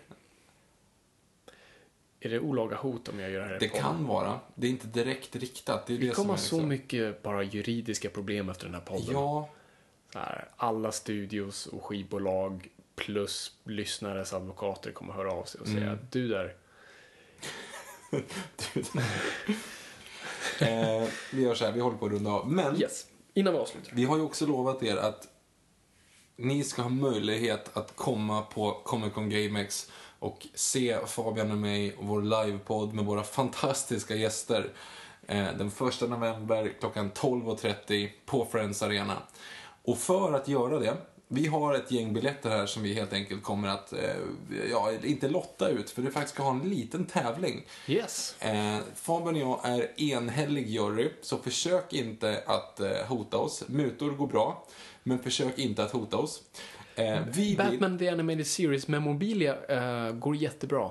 fast han har redan bilen nu. Så nu har jag bilen, så go figure. han Nej, behö- jag, faktiskt, jag vill inte ha saker skickade till mig, för då, då kommer jag bli creeped out. Ja. Eh, hur som. Baka Vi- muffins. Vi, Nej, gör inte. Ge mig ingenting. Bra. vi vill... Jag kan lägga ut mitt eh, swishnummer här Jag är så mycket trubbel. Eh, vi, vi vill att ni ska fota en bild när ni lyssnar på Noipod. Skriva hashtag Noipod, mellanslag då, och jag. Som att... Noipod och jag. Noipod och jag, Mm. Fast precis. då Noipod i hashtaggen så att vi kan och se inte det. hashtag Noipod och jag, för då blir det jättekonstigt. Då blir det fel. Hashtag Noipod, mellanslag och mellanslag jag. Eh, bilden ska innehålla, ni får vara innovativa, men det ska vara hur det ser ut när ni lyssnar på Noipod. Det behöver inte vara på er själva, det kan vara på no någonting helt annat. Var lite innovativa. Det, det är väl ordet, innovativ. Var, Precis. gör någonting som fångar våra ögon. Precis. Så har ni möjligheten att vinna biljetter. Precis. Och det, det handlar om två stycken då som man vinner. Vinner man så får man två biljetter. Och det är bara till söndagen, ska vi lägga in då. För Ja, eftersom men det är också söndagen. till hela alltså mässan, så då är det en dagsbiljett till mässan. Så det är inte en biljett bara till oss som ni måste köpa för att komma med på mässan, utan det är till hela mässan Det är till hela oss. mässan hela dagen, men självklart så tycker jag att det skulle vara, vara självklart väldigt roligt om ni kommer på vår, eh, vår panel då också. Eh, Framförallt. Som är då 12.30, återigen söndag 1 november. Ehm, men gör så, lägg ut den på Instagram eller Twitter. Ehm, alla har Instagram eller Twitter. Tänk bara på det som har Instagram. Har ni en stängd profil så kan inte jag se den och därav kan ni inte vara med och tävla. Så ni måste ha en öppen profil och hashtagga Noipod och jag med en innovativ bild på Instagram eller Twitter. Sammanfattar det rätt bra så hittar vi vinnarna och sen så får vi helt enkelt eh, höra av oss till er hur vi ska skicka dem och så. Ja, det, vi löser det på något vis. Precis. Eh, så bo helst i Sverige. Det, det underlättar. Ja, alltså helst att ni, om ni, framförallt om ni ska komma till mässan då, så Mm. vore det ju bra. Exakt. För det blir också väldigt långt att åka till dit. Yes. Så är det. Ja, men gör det helt enkelt. Och som sagt, kom ihåg, alltså, vi är på Comic Con. Det är hur kul som helst. Och, och som sagt, jag vill också bara tillägga, jag har en panel på lördagen som är James Bond-panelen. Eh, jag kommer med mer detaljer om det när jag har satt gäster och, och sånt där. Eh, det blir superkul. Men framförallt söndagen. Söndagen är att prioritera, för guds skull. Och självklart då så kanske vi ska sätta upp eh, lite lagar och regler för den här insåg jag också. Um, deadline för den här är ju till näst, vi kommer ju reveala här i nästa avsnitt då. Smart. Ehm, så att vi kommer då att deadline, sista chansen att skicka in är den 13 oktober. Eh, tisdagen den 13 oktober är deadline. 13, inte som inte 30 för då Nej. är mässan redan igång. Så att 13, som är 13. 1, 3. Etta, etta, trea. Jag kan inte göra en gotländsk accent. Nej, försök inte ens. Åtta, åtta, trea. Nej, vi har gått igenom det här. Jag vet, Försök jag kan inte göra ens. accenter, jag vet inte. Jag på Gotland. Ni når oss som vanligt på framförallt Twitter och Facebook då. Eh, Twitter på hashtag Noipod, Facebook på vår grupp. Ja, precis. Eh, och sen så finns jag också på Instagram och jag tycker att det är lite roligt om man hashtaggar där. Och självklart tävlingen finns, eh, går ju också, kommer vara med på Instagram. Eh, kommer ju att delta på Instagram. Precis. Så Så hashtag Noipod. At Engberg Viktor, at Fabian Nordlander. Uh, rate också jättegärna på iTunes. Det är jättemånga som har gjort det nu, det är Eh, skitkul. vi tackar jättemycket ni som faktiskt gjorde det. Eh, det är fan... Det ger en tår här. Nej, men man blir superglad. Och, och det hjälper oss. Och nej, det är superkul. Så att, så hjälp oss på alla sätt ni kan.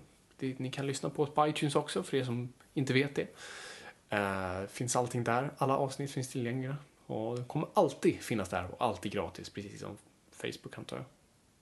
Kommer du ihåg när de var tvungna att säga att så här, Det är, Facebook kommer alltid alltså, det är fortfarande så stolpskott som håller på att dela den här statusen. Jag, Jag äger mina bilder, Jag. Facebook har inte Jag tillåtelse. det är jätteroligt med någon som skriver just det här. Åh, Gud. Enligt den här lagen, så om jag sätter det här på min, liksom, om jag citerar den här lagen på min statusuppdatering. Men vad gör så folk? äger, Ja, jag vet, ja, det är ju otroligt att man fortfarande ser det. För det var ju en sån här craze. Ja, men de har ju börjat igen. Det Ja, hände jag vet, jag, i jag den såg det senare. Jag har sett det också. Det är helt sjukt. Så ni som inte vet det, ni som lyssnar, det fungerar inte. Världen fungerar inte så. Sorry. Ja, jag är ledsen att göra er besvikna liksom. Vi gör lite public service här. Vi, gör, vi, gör, vi liksom hjälper. Mm. Bra där. Ja, nej, nu, nu bommar vi igen det här för att jag ska gå och leka med min bil. som är så himla fin. Alltså, lyssna på de här ljuden. Oh. Ah. Jag tror inte min Batman får plats i den här, men den kommer absolut stå bredvid den.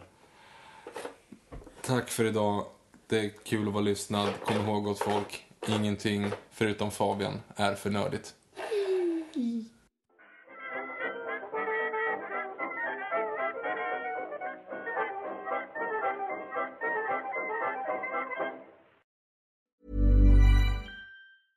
Mom deserves the best, and there's no better place to shop for Mother's Day than Whole Foods Market. They're your destination for unbeatable savings, from premium gifts to show-stopping flowers and irresistible desserts. Start by saving 33% with Prime on all body care and candles. Then get a 15-stem bunch of tulips for just $9.99 each with Prime. Round out Mom's menu with festive rosé, irresistible berry chantilly cake, and more special treats. Come celebrate Mother's Day at Whole Foods Market. Even when we're on a budget, we still deserve nice things. Quince is a place to scoop up stunning high-end goods for 50 to 80% less than similar brands. They have buttery soft cashmere sweaters starting at $50, luxurious Italian leather bags, and so much more. Plus, Quince only works with factories that use safe, ethical, and responsible manufacturing. Get the high-end goods you'll love without the high price tag with Quince. Go to quince.com/style for free shipping and 365-day returns.